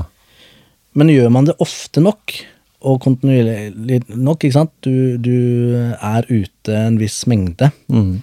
så, så er mye gjort. For det, har- det har noe med å bygge kondisjon og utholdenhet. Og så må du gjøre de riktige tinga, da. Mm. Eh, med kondisjon og disse tinga her, og at du har et grunnlag til å være der. Så, så um, hvis du på en måte er ikke Nå er det jo seks måneder igjen, så, så begynner du å få litt dårlig tid. Men hvis du tenker at man eh, Jeg har løpt nyttårsløpet, og jeg liker å sykle, og har jo gått på ski et par ganger i uka de siste månedene. Mhm. Så jeg tenker at det kunne vært moro å prøve, så velkommen. Ja, for du kan jo tenke sånn at du bare tar dette som en konkurranse mot Og en opplevelse. selv. En opplevelse òg. At det blir spesielle opplevelser. Og det, det vi ser jo at det, Uh, sammenlignbart med Norseman f.eks., så er det jo ventelister. Så det er jo Mm. såpass mange at eh, Og de vil ikke ha så mange heller. Uh, så der står du Der blir loddtrekning, nesten. om hvem som får Mm. Ja. Norseman har jo et, et tak, og det har vel egentlig også Tor Rikseri sånn sett, men, uh, men vi har jo aldri nådd det Nei, ikke sant? Og, og det er jo stort sett rom og plass til de aller Mm. fleste som vil. Mm. Uh, og nå er jo liksom uh, Må ikke, må ikke Tor hate meg for det, men noe av visjonen hans er at du skal komme, og du skal få lov å gjennomføre. Mm. Sant? Så selv om vi har cutoff, vi har cutoff-tider fordi at det må stå i papirene, Mm. eh, så, er, så er han ganske rund der. Ja. Så, så jeg vet at det er deltakere som har liksom svømt på 2,5, og så er cutoff 2,15. ja, sånn. Og så har de på en måte båten vært bakerste båt, og så gir Tor bare du ta, så bare slipp de ut i 200 meter fra han, og så har de svømt. For de har jo vært i vann i to og en halv time, så du har jo svømt distansen. Mer enn nok. Så, eh, Sikkert så, tatt nok tak til at du kunne flytta deg ganske mye lenger hvis det hadde vært i et basseng. Mm. Og samme med, med sykkelen òg, og, og sånne ting. Nå var det litt, litt annerledes i fjor i forhold til den cutoffen på løpedelen, for der, Mm. der blir det mørkt. Så da er det jo litt, sånn, litt mer fare for å være ute i terrenget. Men, eh, men er du innafor på en måte, så skal du få lov for å fullføre. fullføre. Så, eh, Så, flyt, så flytte tankefokuset fra det hvor Altså, det er jo en stor prestasjon i seg sjøl, og du trenger grunnlag for å delta. Men det at du på en måte framsnakker litt det at det egentlig er litt ålreit for alle å prøve det. Mm. At det motivasjonen i det må jo være at det- Jøss, det har jeg prøvd. Det var egentlig ganske kult. Og det Mm. var en sinnssykt god eh, naturopplevelse også i tillegg. ja. At det er litt det er, det er det det handler om, å flytte grensene sine, da. Ja. Eh, og så kan man tenke liksom sånn I starten så var jeg jo det var helt For meg så var det helt sånn at jeg eh, Å gjøre en langdistanse triatlon, eller fulldistanse, Mhm. er jo helt det, det ligger så langt fram i tid at jeg Nei, det kommer aldri til å skje. Ikke sant? Nei, så så sprek kommer jeg aldri til å bli. Men så er det litt sånn som vi snakka om i stad, du og jeg, og før vi, før vi starta, at eh, ja, men jeg har jo sykla Jeg har sykla 15 mil. Eller 10 mil. ja. Det klarer jeg. Det går bra. Ikke sant? Og så, ja, okay, men har du jo svømt 1000 meter. Mm. De aller fleste har prøvd å svømme 1000 meter. Eh, for det har jo vært en sånn greie i svømmehallen at du, ja, du tar å 1000 merke, liksom. Mm. Ikke sant? Og da er det 900 igjen, da, så er du halvveis. Ja. Og, når, og jeg er litt sånn der, klarer du halvveis, så klarer du full, fullføre resten òg. Altså, klarer du 10 km, så klarer du halvmaraton. Klarer du en halvmaraton, så klarer du en maraton. Det handler egentlig bare om å, å forberede hodet på det, at det blir vondt, Mm. men du klarer det. Eh, og ehm, Så det var jo sånn det starta for meg òg, at, eh, at eh, Ja, jeg har jo sykla Jeg sykla Vetteren. Ja. Eh, Det er jo jo- 300 km. ja, ikke sant? Så, så det å sykle 18 mil, det, det klarer jeg. Mm. Og så er det den biten med, med løping. Jeg har jo løpt halvmaraton, det gjorde vi jo Grønland halvmaraton, ikke sant. Eh, vi har jo løpt flere løp som har vært eh, ganske heftige. Viking Challenge for eksempel, der har jo du vært med òg. Ja. Hvor du løper Rjukan-Gaustatoppen bare på baksida. Den, jo, den har du jo kutta ut, dessverre. Yes. Nå, Ja, de ikke har fått det til. Veldig synd. Det, det var jo eh, Ettersom jeg har skjønt så var det veldig mye frivillighet. Og Ja. når Viking, som, som var hovedsponsor, også Mm. dro seg ut, så, så blei det rett og slett umulig å drive det forsvarlig videre. Mm. Eh, men det var en svær greie. Ja. Eh, vi var, de var jo 600-700 deltakere, 800 nesten, på det meste. Mm. Så det var det, Og de hadde barneløype, og de hadde en kortere versjon, Mm. og det var flere, flere sånn, vet jeg. Så den, og den er, jo, den er jo heftig. 12 km der er ganske heftig. Ja, ja. Eh, Du har jo 1600 høydemeter, så det er liksom Så når du hele tida gjør sånne ting, så, så var det for meg så, som gjorde at jeg tenkte at ja, men dette skal jeg klare, var det at ja, jeg har sykla 300 km på sykkelen. Eller jeg har sykla Nordsjø rundt, 10 mil. Sant? Eller vært med på Vestfold rundt, som er 16-17 mil. Ikke sant? Jeg klarer de tinga. Uh, løpinga, ja, jeg klarer en halvmaraton. Jeg har aldri prøvd en halvmaraton, men jeg, jeg har jo vært med på halvmaraton, så det går jo bra. Uh, det er bare to-tre timer ekstra. Så det, det bør gå, ikke sant. Uh, og så er det den svømminga som var det store spørsmålet for meg. da. Jeg har alltid likt meg i vann, men jeg er ikke noen svømmer. Jeg har vært mer under vann enn over vann. Ja. Så, så, og så har jeg vært såpass heldig at jeg eh, i forhold til crawling, at jeg på en måte har prøvd eh, å få til en slags crawl da, mm. i, fra veldig tidlig av barndom. Men jeg har aldri gått på noe kurs eller noen ting. Så tok jeg et kurs, og så sa hun det at egentlig så har du ganske god, god, teknikk, men du har ett gir, så dette kan ta tid. Eh, men eh, men eh, så er det egentlig bare å bedre seg der, da. Og så kanskje prioritere litt svømming framfor litt løping. Da du har, si at du er egentlig en løper, da, eller sykler. Så må du på en måte kanskje tenke litt sånn her, ok, hva skal jeg bli bedre på? Og hva, hvor tjener jeg mest da, ikke sant? Tjener jeg mest på eh, masse tid i bassenget og kanskje svømme tre minutter fortere? Eller eh, tjener jeg best på å eh, løpe fire ganger fire intervaller og få kjempegod kondisjon og sykle en, en time fortere? Ja. Sant? Hva er det som er mest lønnsomt, på en måte? Mm. Så, og det er det det handla om for meg, da. At jeg, at jeg har funnet disse liksom Ja, jeg kan løpe så fort, jeg kan sykle så fort, og jeg kan svømme så fort, og så er det egentlig bare å sette det sammen i en pakke. Ja. Eh, og så er jeg jo stein gæren i huet, da. Ja, for, ja, for det, det var det jeg tenkte ville spørre om nå. fordi det er jo noe med det der eh, Det er en veldig fin måte du sier det på, det der med at du kan dele det opp og så se det i hver enkelt. Mm. Eh, er ikke den prestasjonen og den, det samla gir deg jo en, en prestasjon, da. Uh, selv om sikkert mange ville sagt at uh, å løpe en maraton for mange, det er mer enn nok en prestasjon, Mm. sånn sett. Men det blir litt sånn binder done that. Ja. Og så når du da tenker at du er knallhard i huet Altså jeg vet at den dis- altså det- 3X, eller 2X3, den har jo Frank Gerning gjort òg. ja, ja, ja, Frank Løke, ja. ja. Ja, I hvert fall gjorde, var det i fjor, eller forfjor. Ja, Han har gjort dem to ganger. Ja? Han, han uh, har vært med på både den lange og den Han er jo gæren, vet du. Sånn, du må, da, han er jo litt sånn ekstrem i huet, han òg. Mm. Og det er jo, som du sier, du må ha en syke som du er Altså, hvordan skal jeg si det? Du må føle deg trygg i egen syke, Mm. hvis det er riktig å si. At du, at du også har en jobb som Ja. krever at du har roen når du trenger det. eh, at du er, eh, kan stå i pressa situasjoner. Kan det være en sånn greie når du sier at For folk er jo litt der at de er litt redde for at ja, ja, jeg er ganske sterk psykisk, jeg, og står i et ganske høyt press på jobb og alt sånt noe, men det å prestere i idrett, det er jeg sjanseløs på.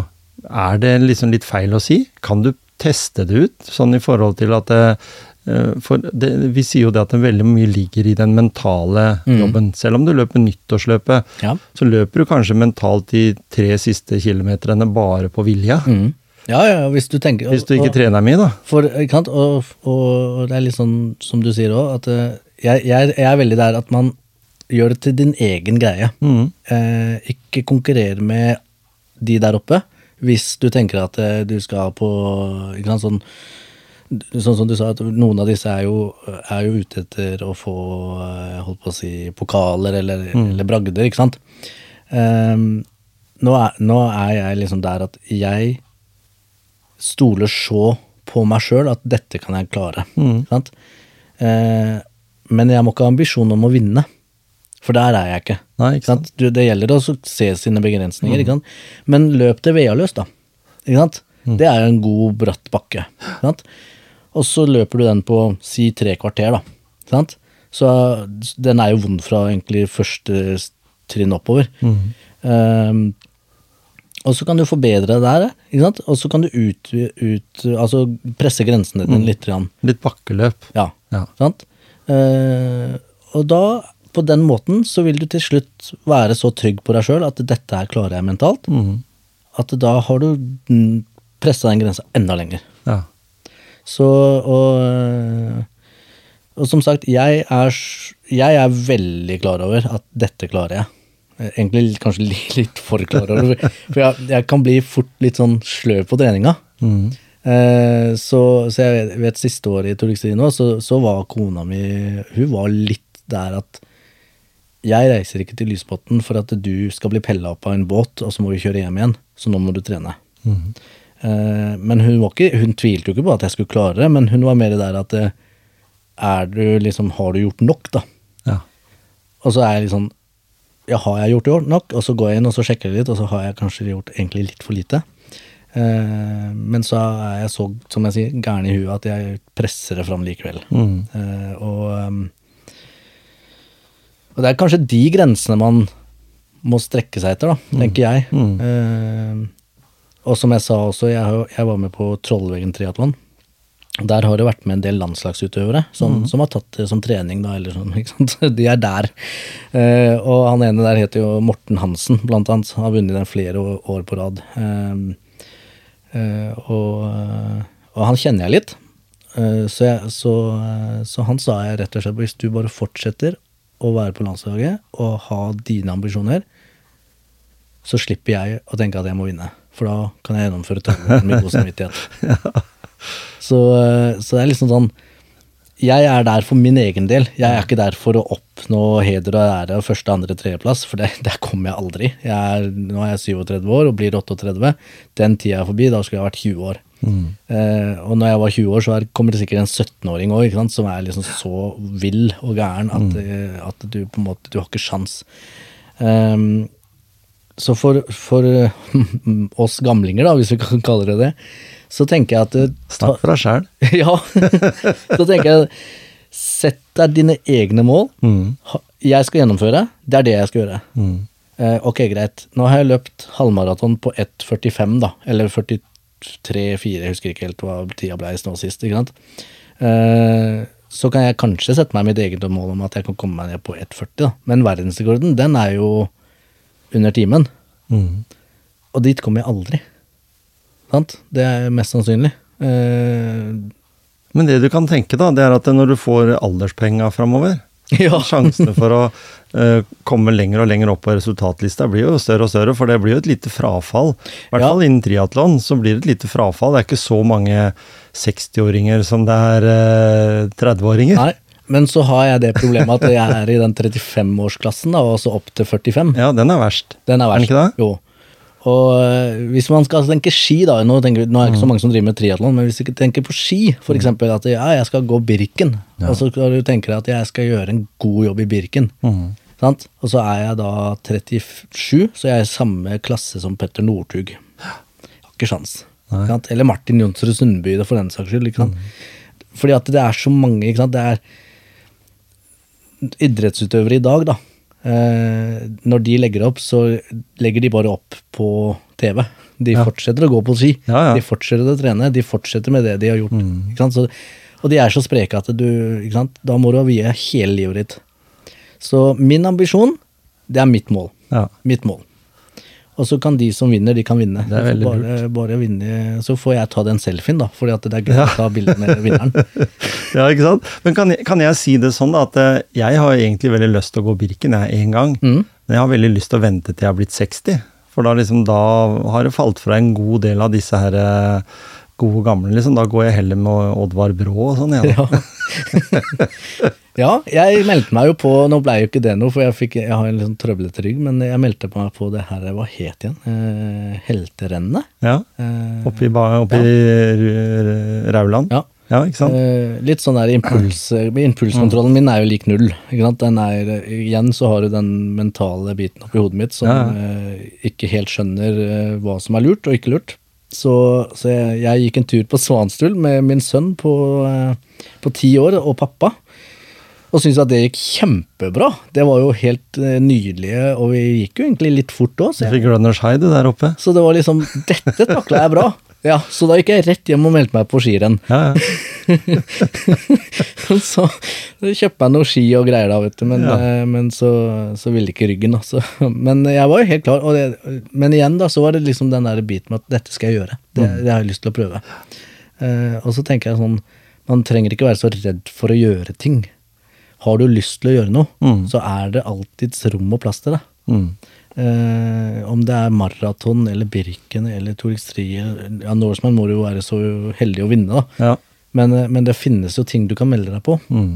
Eh, og så vet jeg om mange der ute som frykter den derre startnummerbiten. ikke sant? Ja, men nå er jeg med i en konkurranse. Er jeg god nok til det? Ja, men spør deg sjøl, hva gjør du på trening, da? Det er jo ofte at du konkurrerer med deg sjøl på trening, og i dag føler jeg meg bra, så i dag skal jeg prøve å løpe en ti kilometer så fort jeg kan. Eneste forskjellen er at du har på deg et startnummer, og du ikke har på et startnummer. Mm. Og så er, du med, og så er det litt sånn der med startnummeret òg, at du mister litt huet. da, ikke sant? Eh, og det kjenner du sikkert du også igjen, at med en gang du får på deg et startnummer, så blir du litt ekstra gæren i hodet. Mm. og så går det litt bedre fordi at du får på deg det startnummeret, og du har det adrenalinet inne i kroppen som på en måte bare gjør at du gønner deg på, da. Altså at ikke du vil drite deg ut, liksom. Sånn, I hvert fall ikke når du blir sett. Ja, så Jeg løper er der det er folk, og går der det er, eh, ikke er folk, Ikke liksom, hvis du er sliten. Og hvis man er veldig redd for det, da tenker jeg, så tenker jeg jo flere, jo bedre. Sant? For det vil alltid være noen som er dårligere, mest sannsynlig. Ja, for du kan tenke deg at det der sitter så i, altså. For når jeg var, eh, gikk, vi gikk en tur opp i Gjerpensdalen, Mm. øh, skiføre her, når første eller snøen kom, før det lasset som kom nå her om dagen. Uh, så var det jo ingen andre der, annet enn han Per som jeg gikk med. Mm. Uh, og jeg uh, greier på flatmark der, tråkke på et litt breit strå, sånn at jeg får luggeir under festesmøringa. Så jeg tryner altså, men i det øyeblikket jeg da gjerne prøver liksom bare å reise meg opp som om ingenting har skjedd, så greier jeg da altså å vri ven- venstrebeinet med skien så mye at jeg knekker bindingen. Ja. Så det kosta meg liksom 1100 kroner, bare fordi jeg skulle være stolt og vise at jeg detter jo ikke. Nei. Så datt jeg. så det er noe med det derre og, og, og da har jeg lyst til å spørre deg. Jeg eh, gjorde jo det her i fjor. Eh, fjor høst eller fjor sommer. Meldte meg på Skogvokteren Ultra. Ja. 88 km. Mm. Da skal vi springe rundt eh, der eh, opp til Vealøsa. Én av ti Ja. sånne stigninger. Og jeg, går, jeg har jo begynt å grue meg litt, da. Fordi jeg vet jo det at dette her er 4. mai. Mm. Og det er mye kortere enn 10. august, som det du har uh, målet ditt. Ja, nå skal ikke jeg skal være med. Nei, ikke sant? skal Men du skal bare- bare være der. Jeg skal bare være der, ja. Ikke sant? Men tenk på alle de andre som har, Ja. må melde seg på. Så tenker jeg at eh, jeg tror nok jeg skal gjøre litt som deg og ta det som et godt råd, en ekstra motivasjon. Det der å tenke at jeg, jeg har jo løpt eh, noen ganger opp til Gaustatoppen. Mm. Mm. Pressa meg sjøl på det. Eh, Jeg har nok eh, vel så grei fysikk nå som jeg har hatt noen gang. Eh, Men eh, også tenker jeg at eh, har jeg bra nok utstyr, har jeg de skoa, ja ok, jeg har de beste skoa. Alle forutsetningene for å, for å få det til. Og så vet jeg om andre som har gjennomført der, som jeg føler at jeg kan være på høyde med, egentlig, selv om jeg ikke har så mange, mange mil i, i Mm. beina, sånn som Egil f.eks. for eksempel, som eh, Egil Kragel, som er en sinnssyk eh, ultraløper, sånn sett, men som ikke, som du sier, ikke konkurrerer med de topp ti eller sånn, han skal bare gjennomføre. Eh, Så tenker jeg da at kanskje ikke er så gærent, da. At jeg kanskje finner ut det at eh, jeg kan gogge gjennom hele løypa, og så allikevel greie det Mm. på cutoff og sånne ting. At jeg kan liksom komme meg til Så jeg har satt meg som mål jeg skal i hvert fall komme til Solvika. Ja. Det er målet mitt. Kommer jeg forbi der uten å bli tatt ut av løpet, så har jeg oppnådd eh, egentlig veldig mye, føler jeg, da. Mm. Det er min, mitt mål, da. Ja. Er det greit å tenke sånn? ja. Jeg, har aldri gjort det jeg, før. Jeg det. Jeg har aldri gjort det før. Jeg har 88 km med 3500 høydemeter, det er jo ganske Ja, det, det, Heftig, er, det er røft. Mhm. Ehm, og så tenker jeg altså, Nå sier du Solvika. Ja. Uh, Og det er jo rett ned forbi Vealøs, egentlig, Ja. så da og så er, jeg husker ikke, Er det sånn cirka Er det litt før eh, Litt over halvveis? Nei. Nei? Jeg tror det er sånn at eh, kanskje det er to og en halv mil, eller noe sånt. Kan det være det? Vi løper jo Altså fra langt over det, Ja, du løper 88, ja. Ja. ja. Mhm. Ja. Nei, men jeg tenker du Det er 8,8 mil. Altså da Hvis jeg tenker at da skal jeg jo, når jeg har vært der og passerer Solvika, så skal jeg løpe over heia hele veien rundt, og så kommer jeg opp på hele Skottfoss-Gulset-sida, Åfoss-sida, eh, hele Geiteryggen, og så skal jeg ned liksom der. Så det er jo Grenlandsløpet er jo ganske mye av noe av den Ja. løypa, da, men uh, Jeg tenker liksom distansen. Mm. Uh, Jeg sykler jo, kan jo Der vi kan sykle noe av la samme runda, da, så gjør jeg jo det. Så det er jo bare at jeg skal løpe den isteden. Tror du klarer det veldig, veldig bra, ja. Så bra. Det, det ga meg mye er- trygghet. Og så eh, tenker jeg liksom det er så, Men jeg, jeg tenker liksom sånn, hvorfor Solvika? Nei, jeg har bare fått det for meg. Ja, De gode vafler der. ja, ja, ja. Sorry, gjør det lov. Ja. Eh, nei, men ja, nei, for, for der er jeg er liksom sånn da, at når du først ikke sant, jeg, eh, jeg tenker litt sånn uh, i, i prestasjonen i seg sjøl er jo helt rå. Ikke sant? Du kommer til Solvika, det, du har klart det, så er det kjempebra. Eh, og så hvis du er over- det, så alt over er en bonus. Mm. Sant? Ehm, men så er liksom den derre eh, som jeg tenker liksom sånn eh, Hvorfor stoppe på Solvika? Hvorfor, Jeg tenkte ikke å stoppe. Nei, å nei, du jeg tenkte bare at det der, jeg må greie å komme forbi Solvika. Ja, ja, okay, sånn at da. jeg ikke blir tatt ut av løpet, for det vet jeg det er ja, et sånt punkt. cutoff. Ja. Ja, ok, ja, men da er det er jeg- ett av de, i hvert fall. Ja, ja, men da, da, er for da kommer jo Valebø etter det, ikke sant. Mm. Oppi der er det jo fint oppi skauene der, i indre del av Valebø. Ja, nei, men da, Så- misforsto jeg litt, for jeg tenkte at du skulle gi deg der. Nei, nei, nei, det, det kommer jeg, liksom det kommer jeg ikke til å gjøre. sånn- Nei. Og det Nei, var jo samme som jeg har vært på, på den her Viking Challenge en gang. Da hadde jeg bestemt meg, for da tror jeg jeg hadde noe astmagreier. Mm. Uh, og da tenkte jeg at jeg skal gi meg bare jeg har kommet opp den veggen her, Mm. der de var den første stoppen, eller liksom drikkestasjon. Mm. Men når jeg hadde kommet opp dit, så tenkte jeg jeg kan jo fader ikke. Jeg hadde jo eh, eks-svigersønn, eller i hvert fall han kjæresten til yngstedattera, han var litt foran meg. Og det, han var jo sånn unggutt, ikke sant, i midten av 20-åra, og trena mye. Så jeg tenkte nei, jeg skal fader ikke komme altfor langt bak han. Så jeg fullførte jeg, da jeg kom vel i mål 20 minutter etter han eller noe. Uh, han hadde ikke rekt å begynne på den første vaffelen oppe på stua der på toppen uh, når jeg kom, så Nei, jeg tenkte jeg det var ikke så langt bak.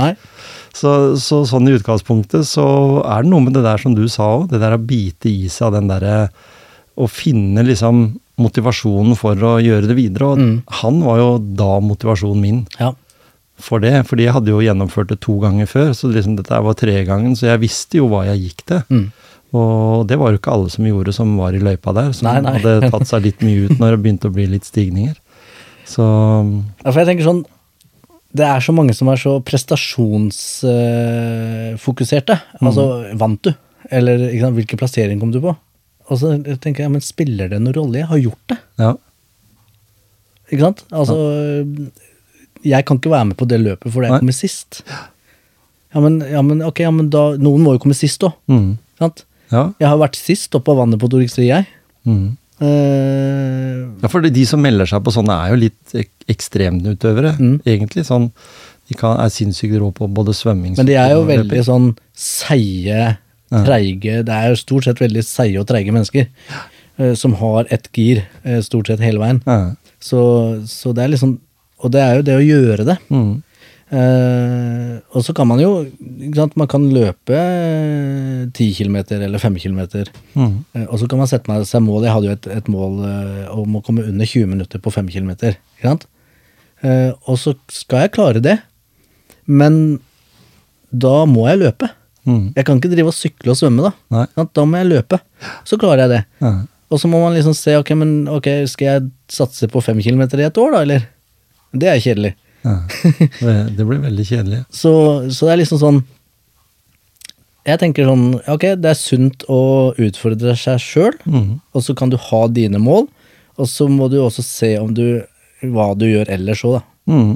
Og så tenker jeg sånn, du har vært med, og du har gjort det. Ja. Det var sånn jeg tenkte medalje der Oslo Maraton. Ja, ikke sant? Eh, Jeg løper jo ikke noe Oslo Jeg løper ikke noe maraton. Men jeg var der inne i forbindelse med en podkastinnspilling som jeg hadde hatt ved med den her Krafttak mot kreft. Mm. Og så tenkte jeg ja, ja, det har vært kult å melde seg på. Og så gjorde jeg det, men jeg løp 10-kilometeren, da. Mhm. Og jeg har jo løpt ganske mange 10-kilometer. Jeg har jo nyttårsløpet ganger sikkert 20, eller noe sånt. Så, så jeg vet jo sånn noenlunde hvor god jeg var når jeg var ung, og jeg vet hvor dårlig jeg er når jeg, nå når jeg er gammel.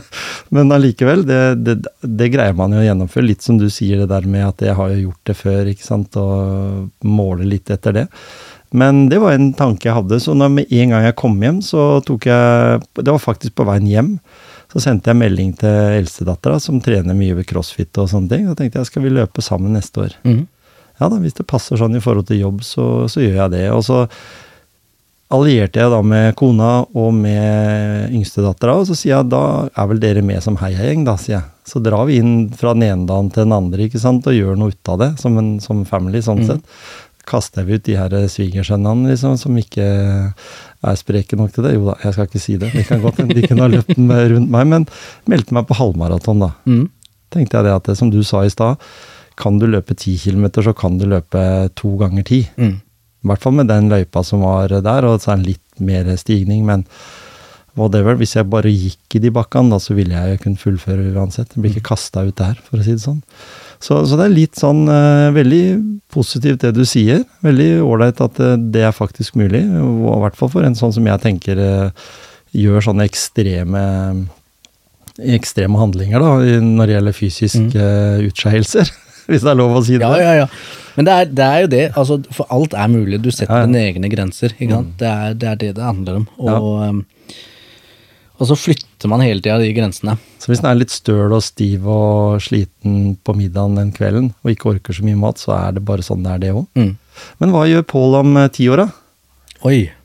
Nå spoler vi ti år, ti år fram. år. 37, altså 47. Ja. Da er du fortsatt eh, ti år yngre enn meg.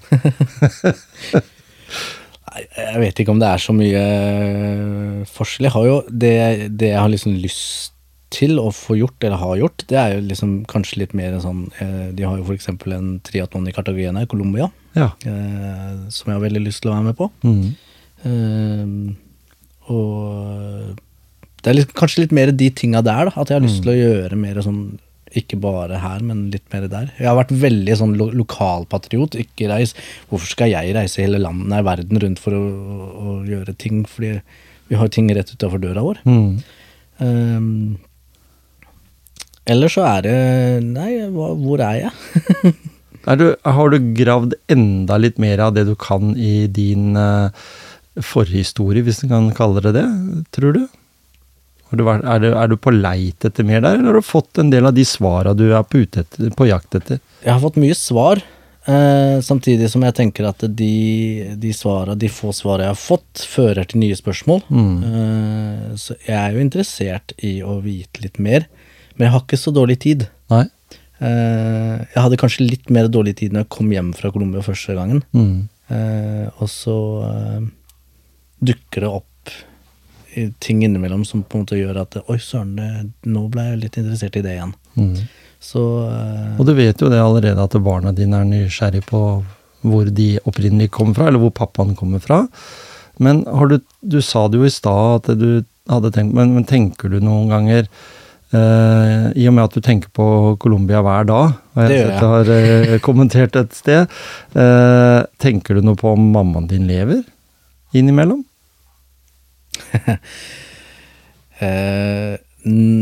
Både. Eh, Tenker du sånn noen tanke på at hvis hun var vokst opp i en fattigdom, prostitusjon, rus, kom hun seg ut av det, eller ikke? mm.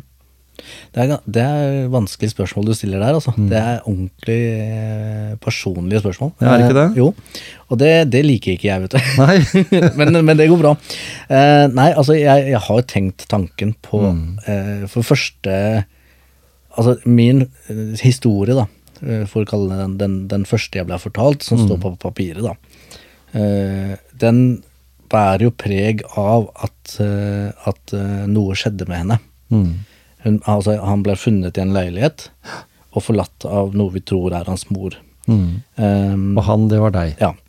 ikke sant? Uh, og i og med at det, altså, i og med at man er fra Santa Fe eh, i, i Bogotá, så, så er man allerede inne på rus og prostitusjon, ikke sant. Det er liksom Så, så det kan jo i utgangspunktet, uten at en skal på en måte spekulere i det, da, men det kan jo være at eh, mammaen din døde under fødselen, og at det var en venninne eller noen annen i det miljøet som tok deg, og så fant ut at eh, en måtte selv gå videre i livet og Mm. ha et sykt barn som du var, eh, var kanskje ikke riktig der og da. Det, Mm. det kan jo være en så enkelt vurdering, men det kan jo også være at eh, en mamma ble fratatt barnet sitt òg. Det kan være det, og jeg, jeg tenker litt sånn en, Altså, rus, prostitusjon, altså Mm. disse tingene her, betyr ikke at man er en si, dårlig mor, da. Nei, det er det jeg mener. Eh, men at man kanskje trenger litt hjelp. Ja.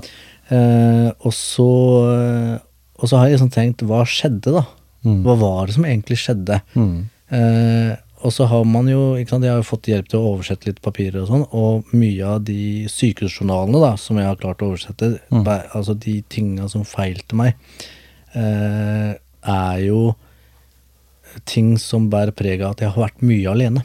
ja. Det var ikke navn, noen navn som ble kobla direkte til deg når du var i den situasjonen?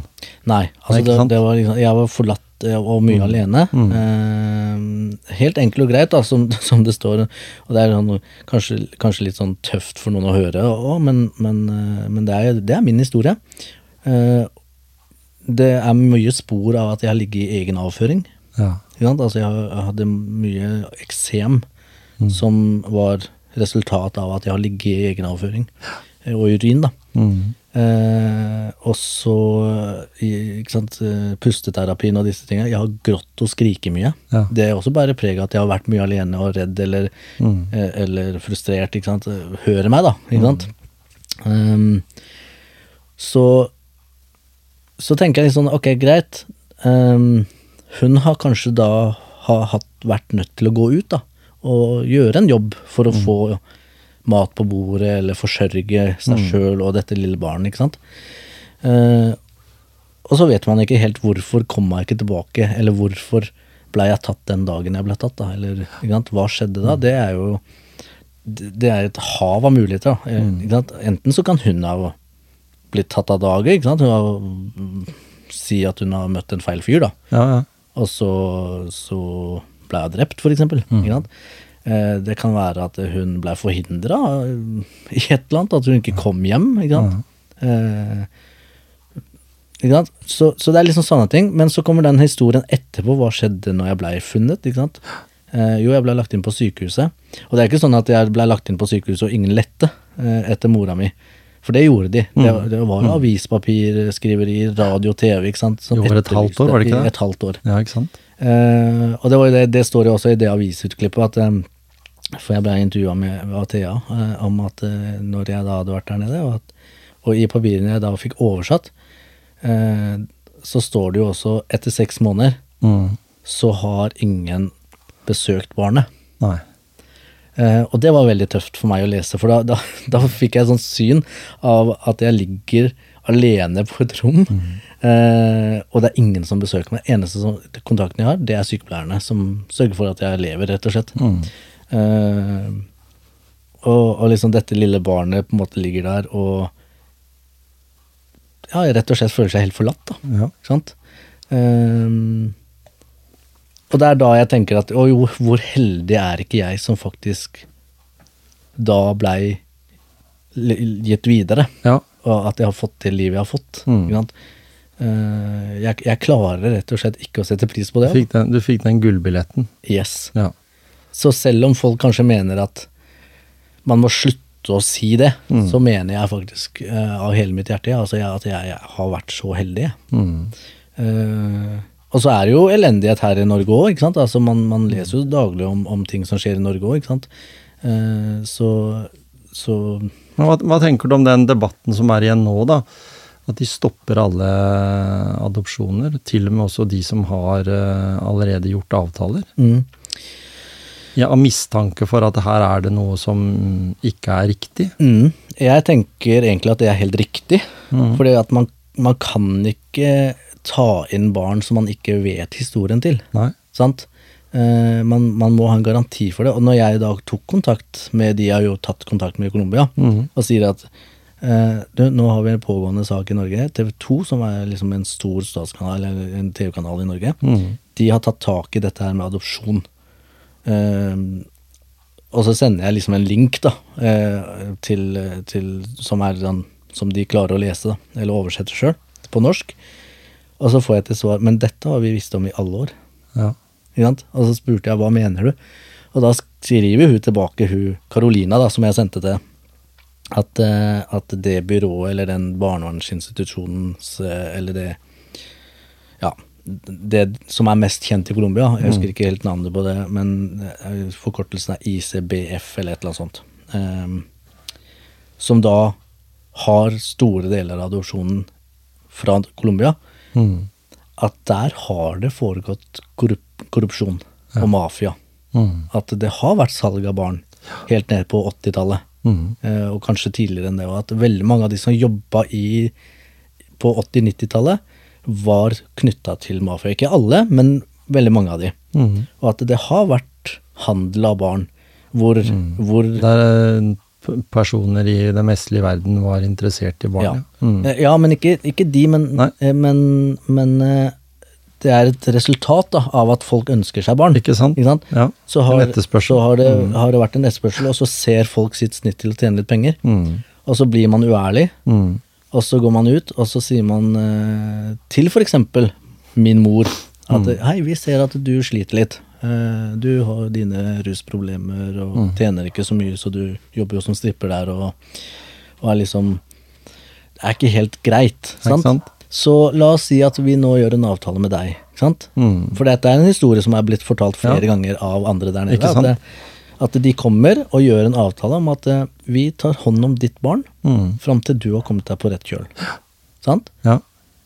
Eh, og så får de en sånn symbolsk sum av noe slag som skal hjelpe de på vei. Ja. Og når de da føler at nå er jeg klar til å ta tilbake barnet mitt, så får de beskjed om at nei, det barnet det døde. Ja. Det lever ikke lenger, det vet ikke hvor det er. Nei. Så har den personen vært en bakmann da, Mm. og levert det barnet til adopsjon. Mm. Fordi at da får han penger. Ikke sant? Så det er liksom Og det er nok eh, Og jeg tenker, det er ikke riktig. Nei. Eh, Så det må man finne ut av. Mm. Og det blir veldig spennende å finne, eller se du resultatet det. Og de- du vet jo det at du har en sykdomshistorie der nede. Det Mm. har du vel funnet ut av og sånn. Ehm, Så det er klart at du du var ikke den som blei stjålet fra mora di fordi du på en måte var en salgsvare, sånn sett. Nei. Du var jo på en måte syk. Og, Jeg var syk, og min historie bærer preg av at jeg har vært syk òg. Ja, ikke sant? Mm. Så eh, Da har jeg lyst til å spørre deg, er det, tror du Altså det er to ting jeg har lyst til å spørre om før vi eh, avslutter. Det er, ene er, eh, føler du at det, det har gjort deg mer mentalt sterk, selv om du var ganske ung? For mange sier jo det at barndommen din, den påvirker deg veldig i forhold til til og med helt ned i fra den tida en blir født og vokser opp, og at det kan forme deg sånn mentalt. Mm. Tror du det? At du, som du sa her i stad, at du er sterk, du har tru på deg sjøl, du kjenner deg sjøl, du er selvstendig.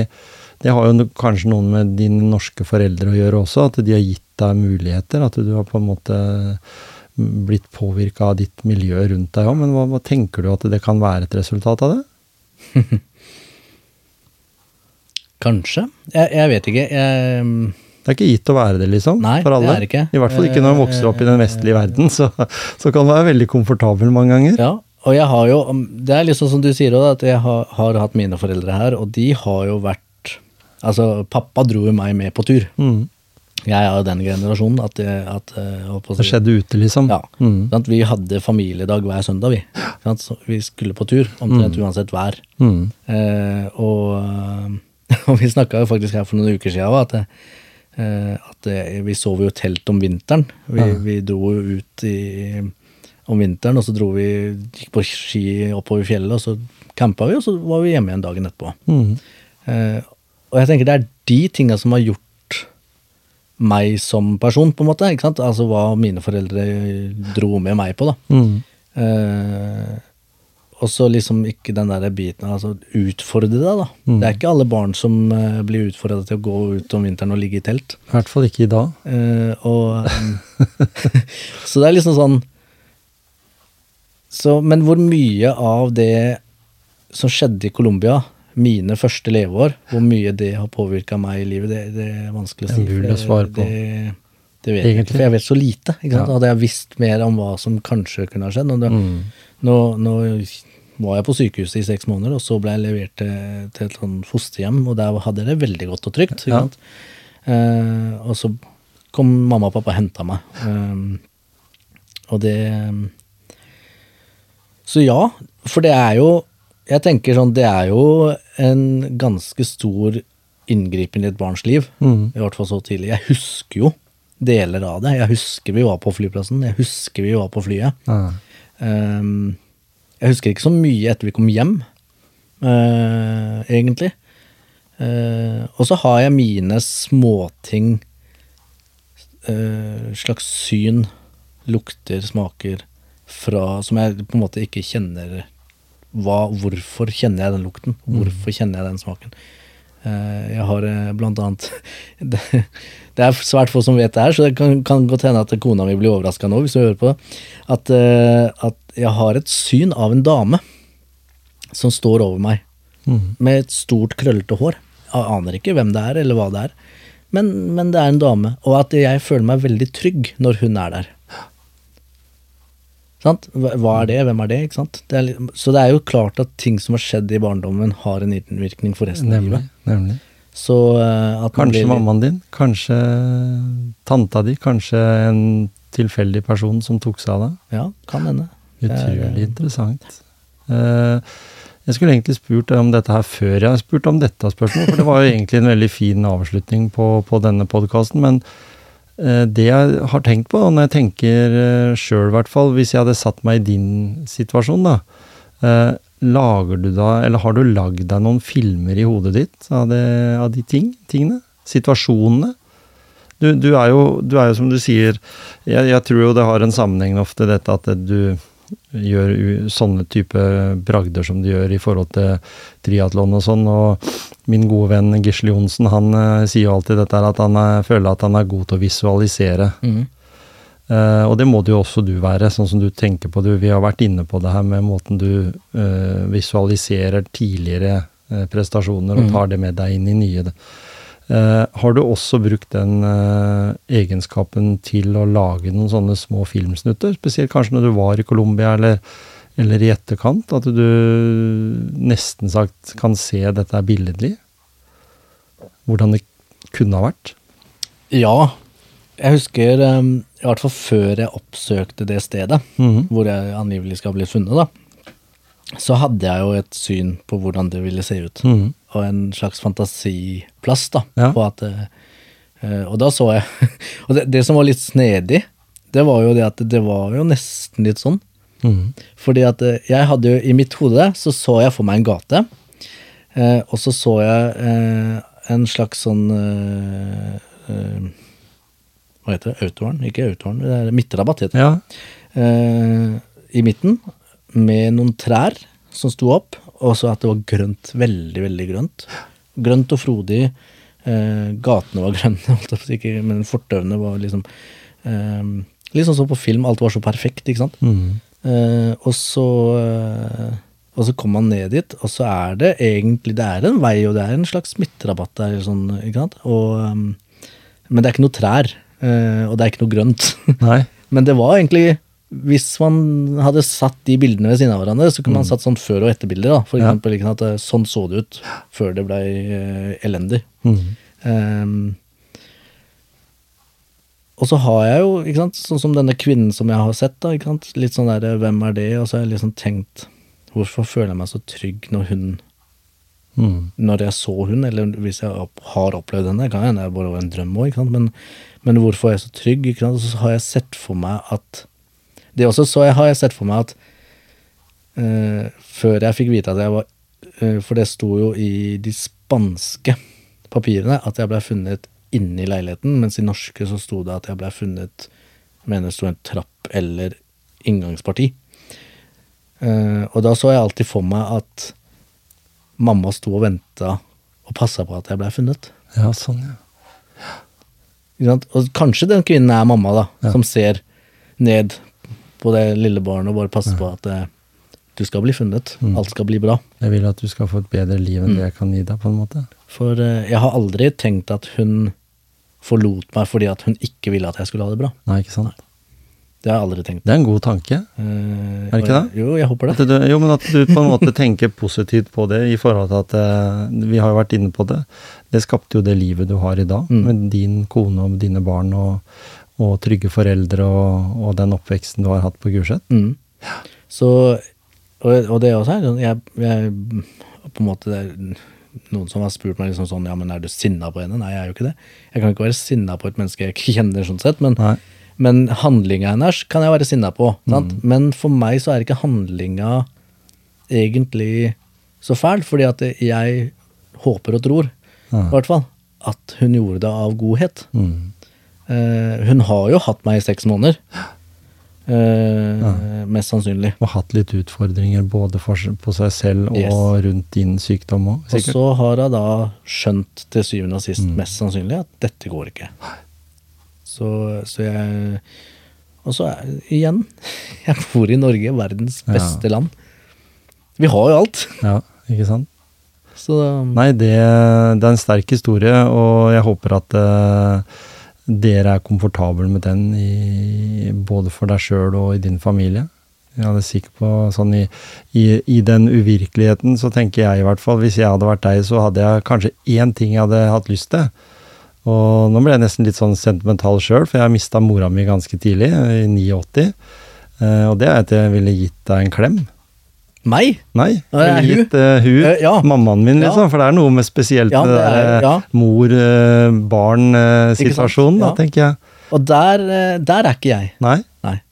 Eh, på ingen måte. Nei, jeg har jo sett på disse her eh, Tore på sporet Ja, ja. og Sporløs og ikke sant. Og, og liksom at det er så veldig man, man kommer dit, og alle er så glad, og så blir klemmer og grining og alt. Der er ikke jeg, altså. Mm. Nei, nei. Det er sånn, Jeg vet ikke helt eh, Kan godt hende jeg hadde blitt det. Mm. Eh, Det vet jeg ikke. Hvis noen kommer plutselig en dag og sier 'vi har funnet mammaen din, Pål', jeg har hatt lyst til å møte henne. Eh, Så jeg er ikke Jeg vet ikke. Nei. Jeg um... Det er godt å være i nuet, da. Ja. Det er en viktig Jeg egenskap vet- å være i nuet, da.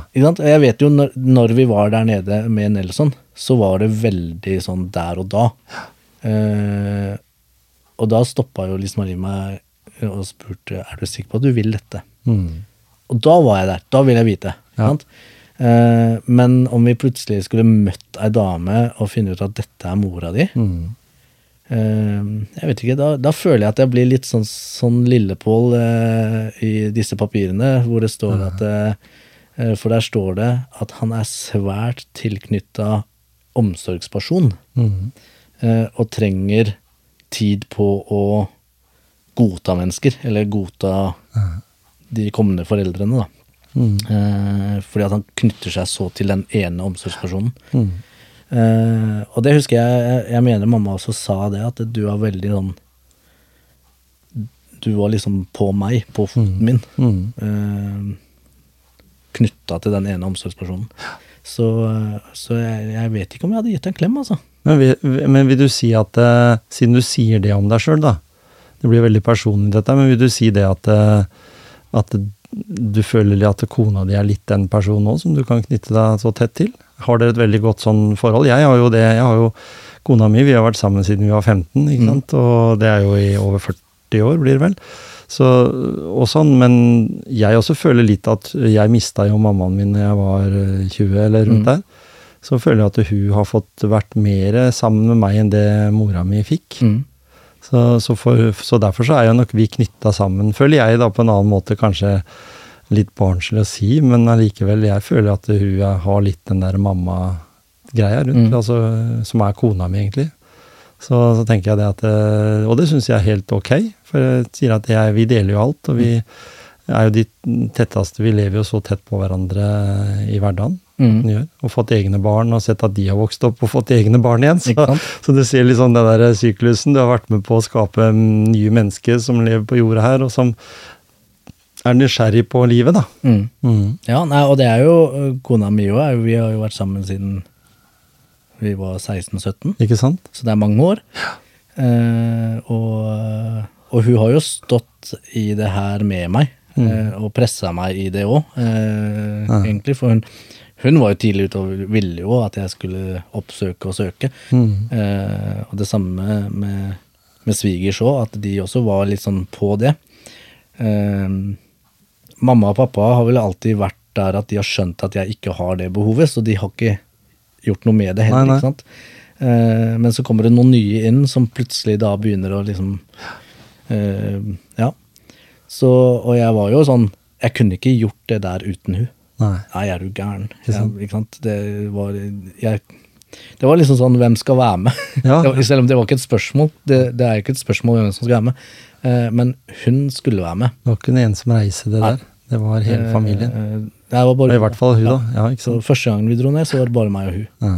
Eh, for da skulle jeg liksom ned og sjekke landet. Ja, Eh, sjekke forholdene, gjøre, sjekke er dette trygt. ja. ja.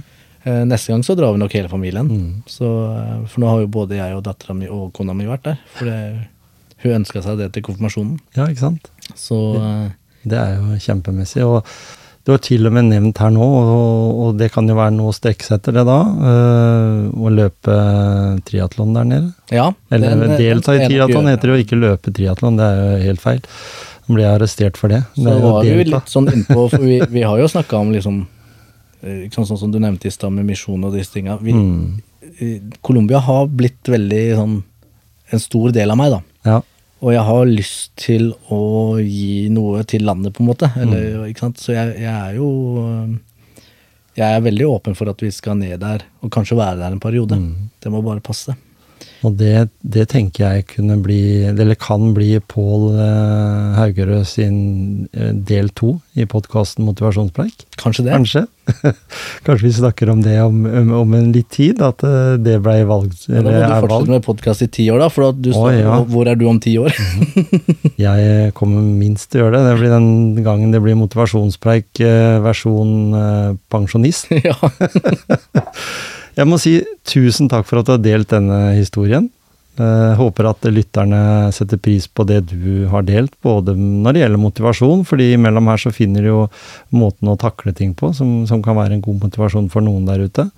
Jeg håper at eh, du eh, får gjennomslag for det og drar opp så mange som mulig opp av Lysefjorden Mhm.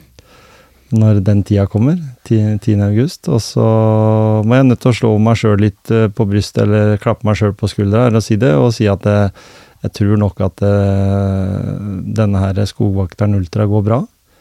Ja, det er jeg sikker på. Jeg tror jeg kommer til å gjennomføre. Jeg er veldig glad for at jeg ser det, at du har trua. Jeg har tro, alltid trua, jeg. Det er, det er, jeg holdt på å si, det er jo du, Det er dine egne grenser. Ja. Tusen takk for det, Pål. Veldig hyggelig også å bli kjent med deg, både med denne preiken, men også med det alt det vi har fått snakke om nå. Håper at du har satt pris på en, eh, en god eh, stund her. Ja, det var ja, kjempe... Det er lengste episoden jeg har spilt inn. Ja. Men det har vært en rød tråd hele veien. Ikke sant? Og takk for at jeg fikk komme. Det, det, det er bare gøy. Så bra.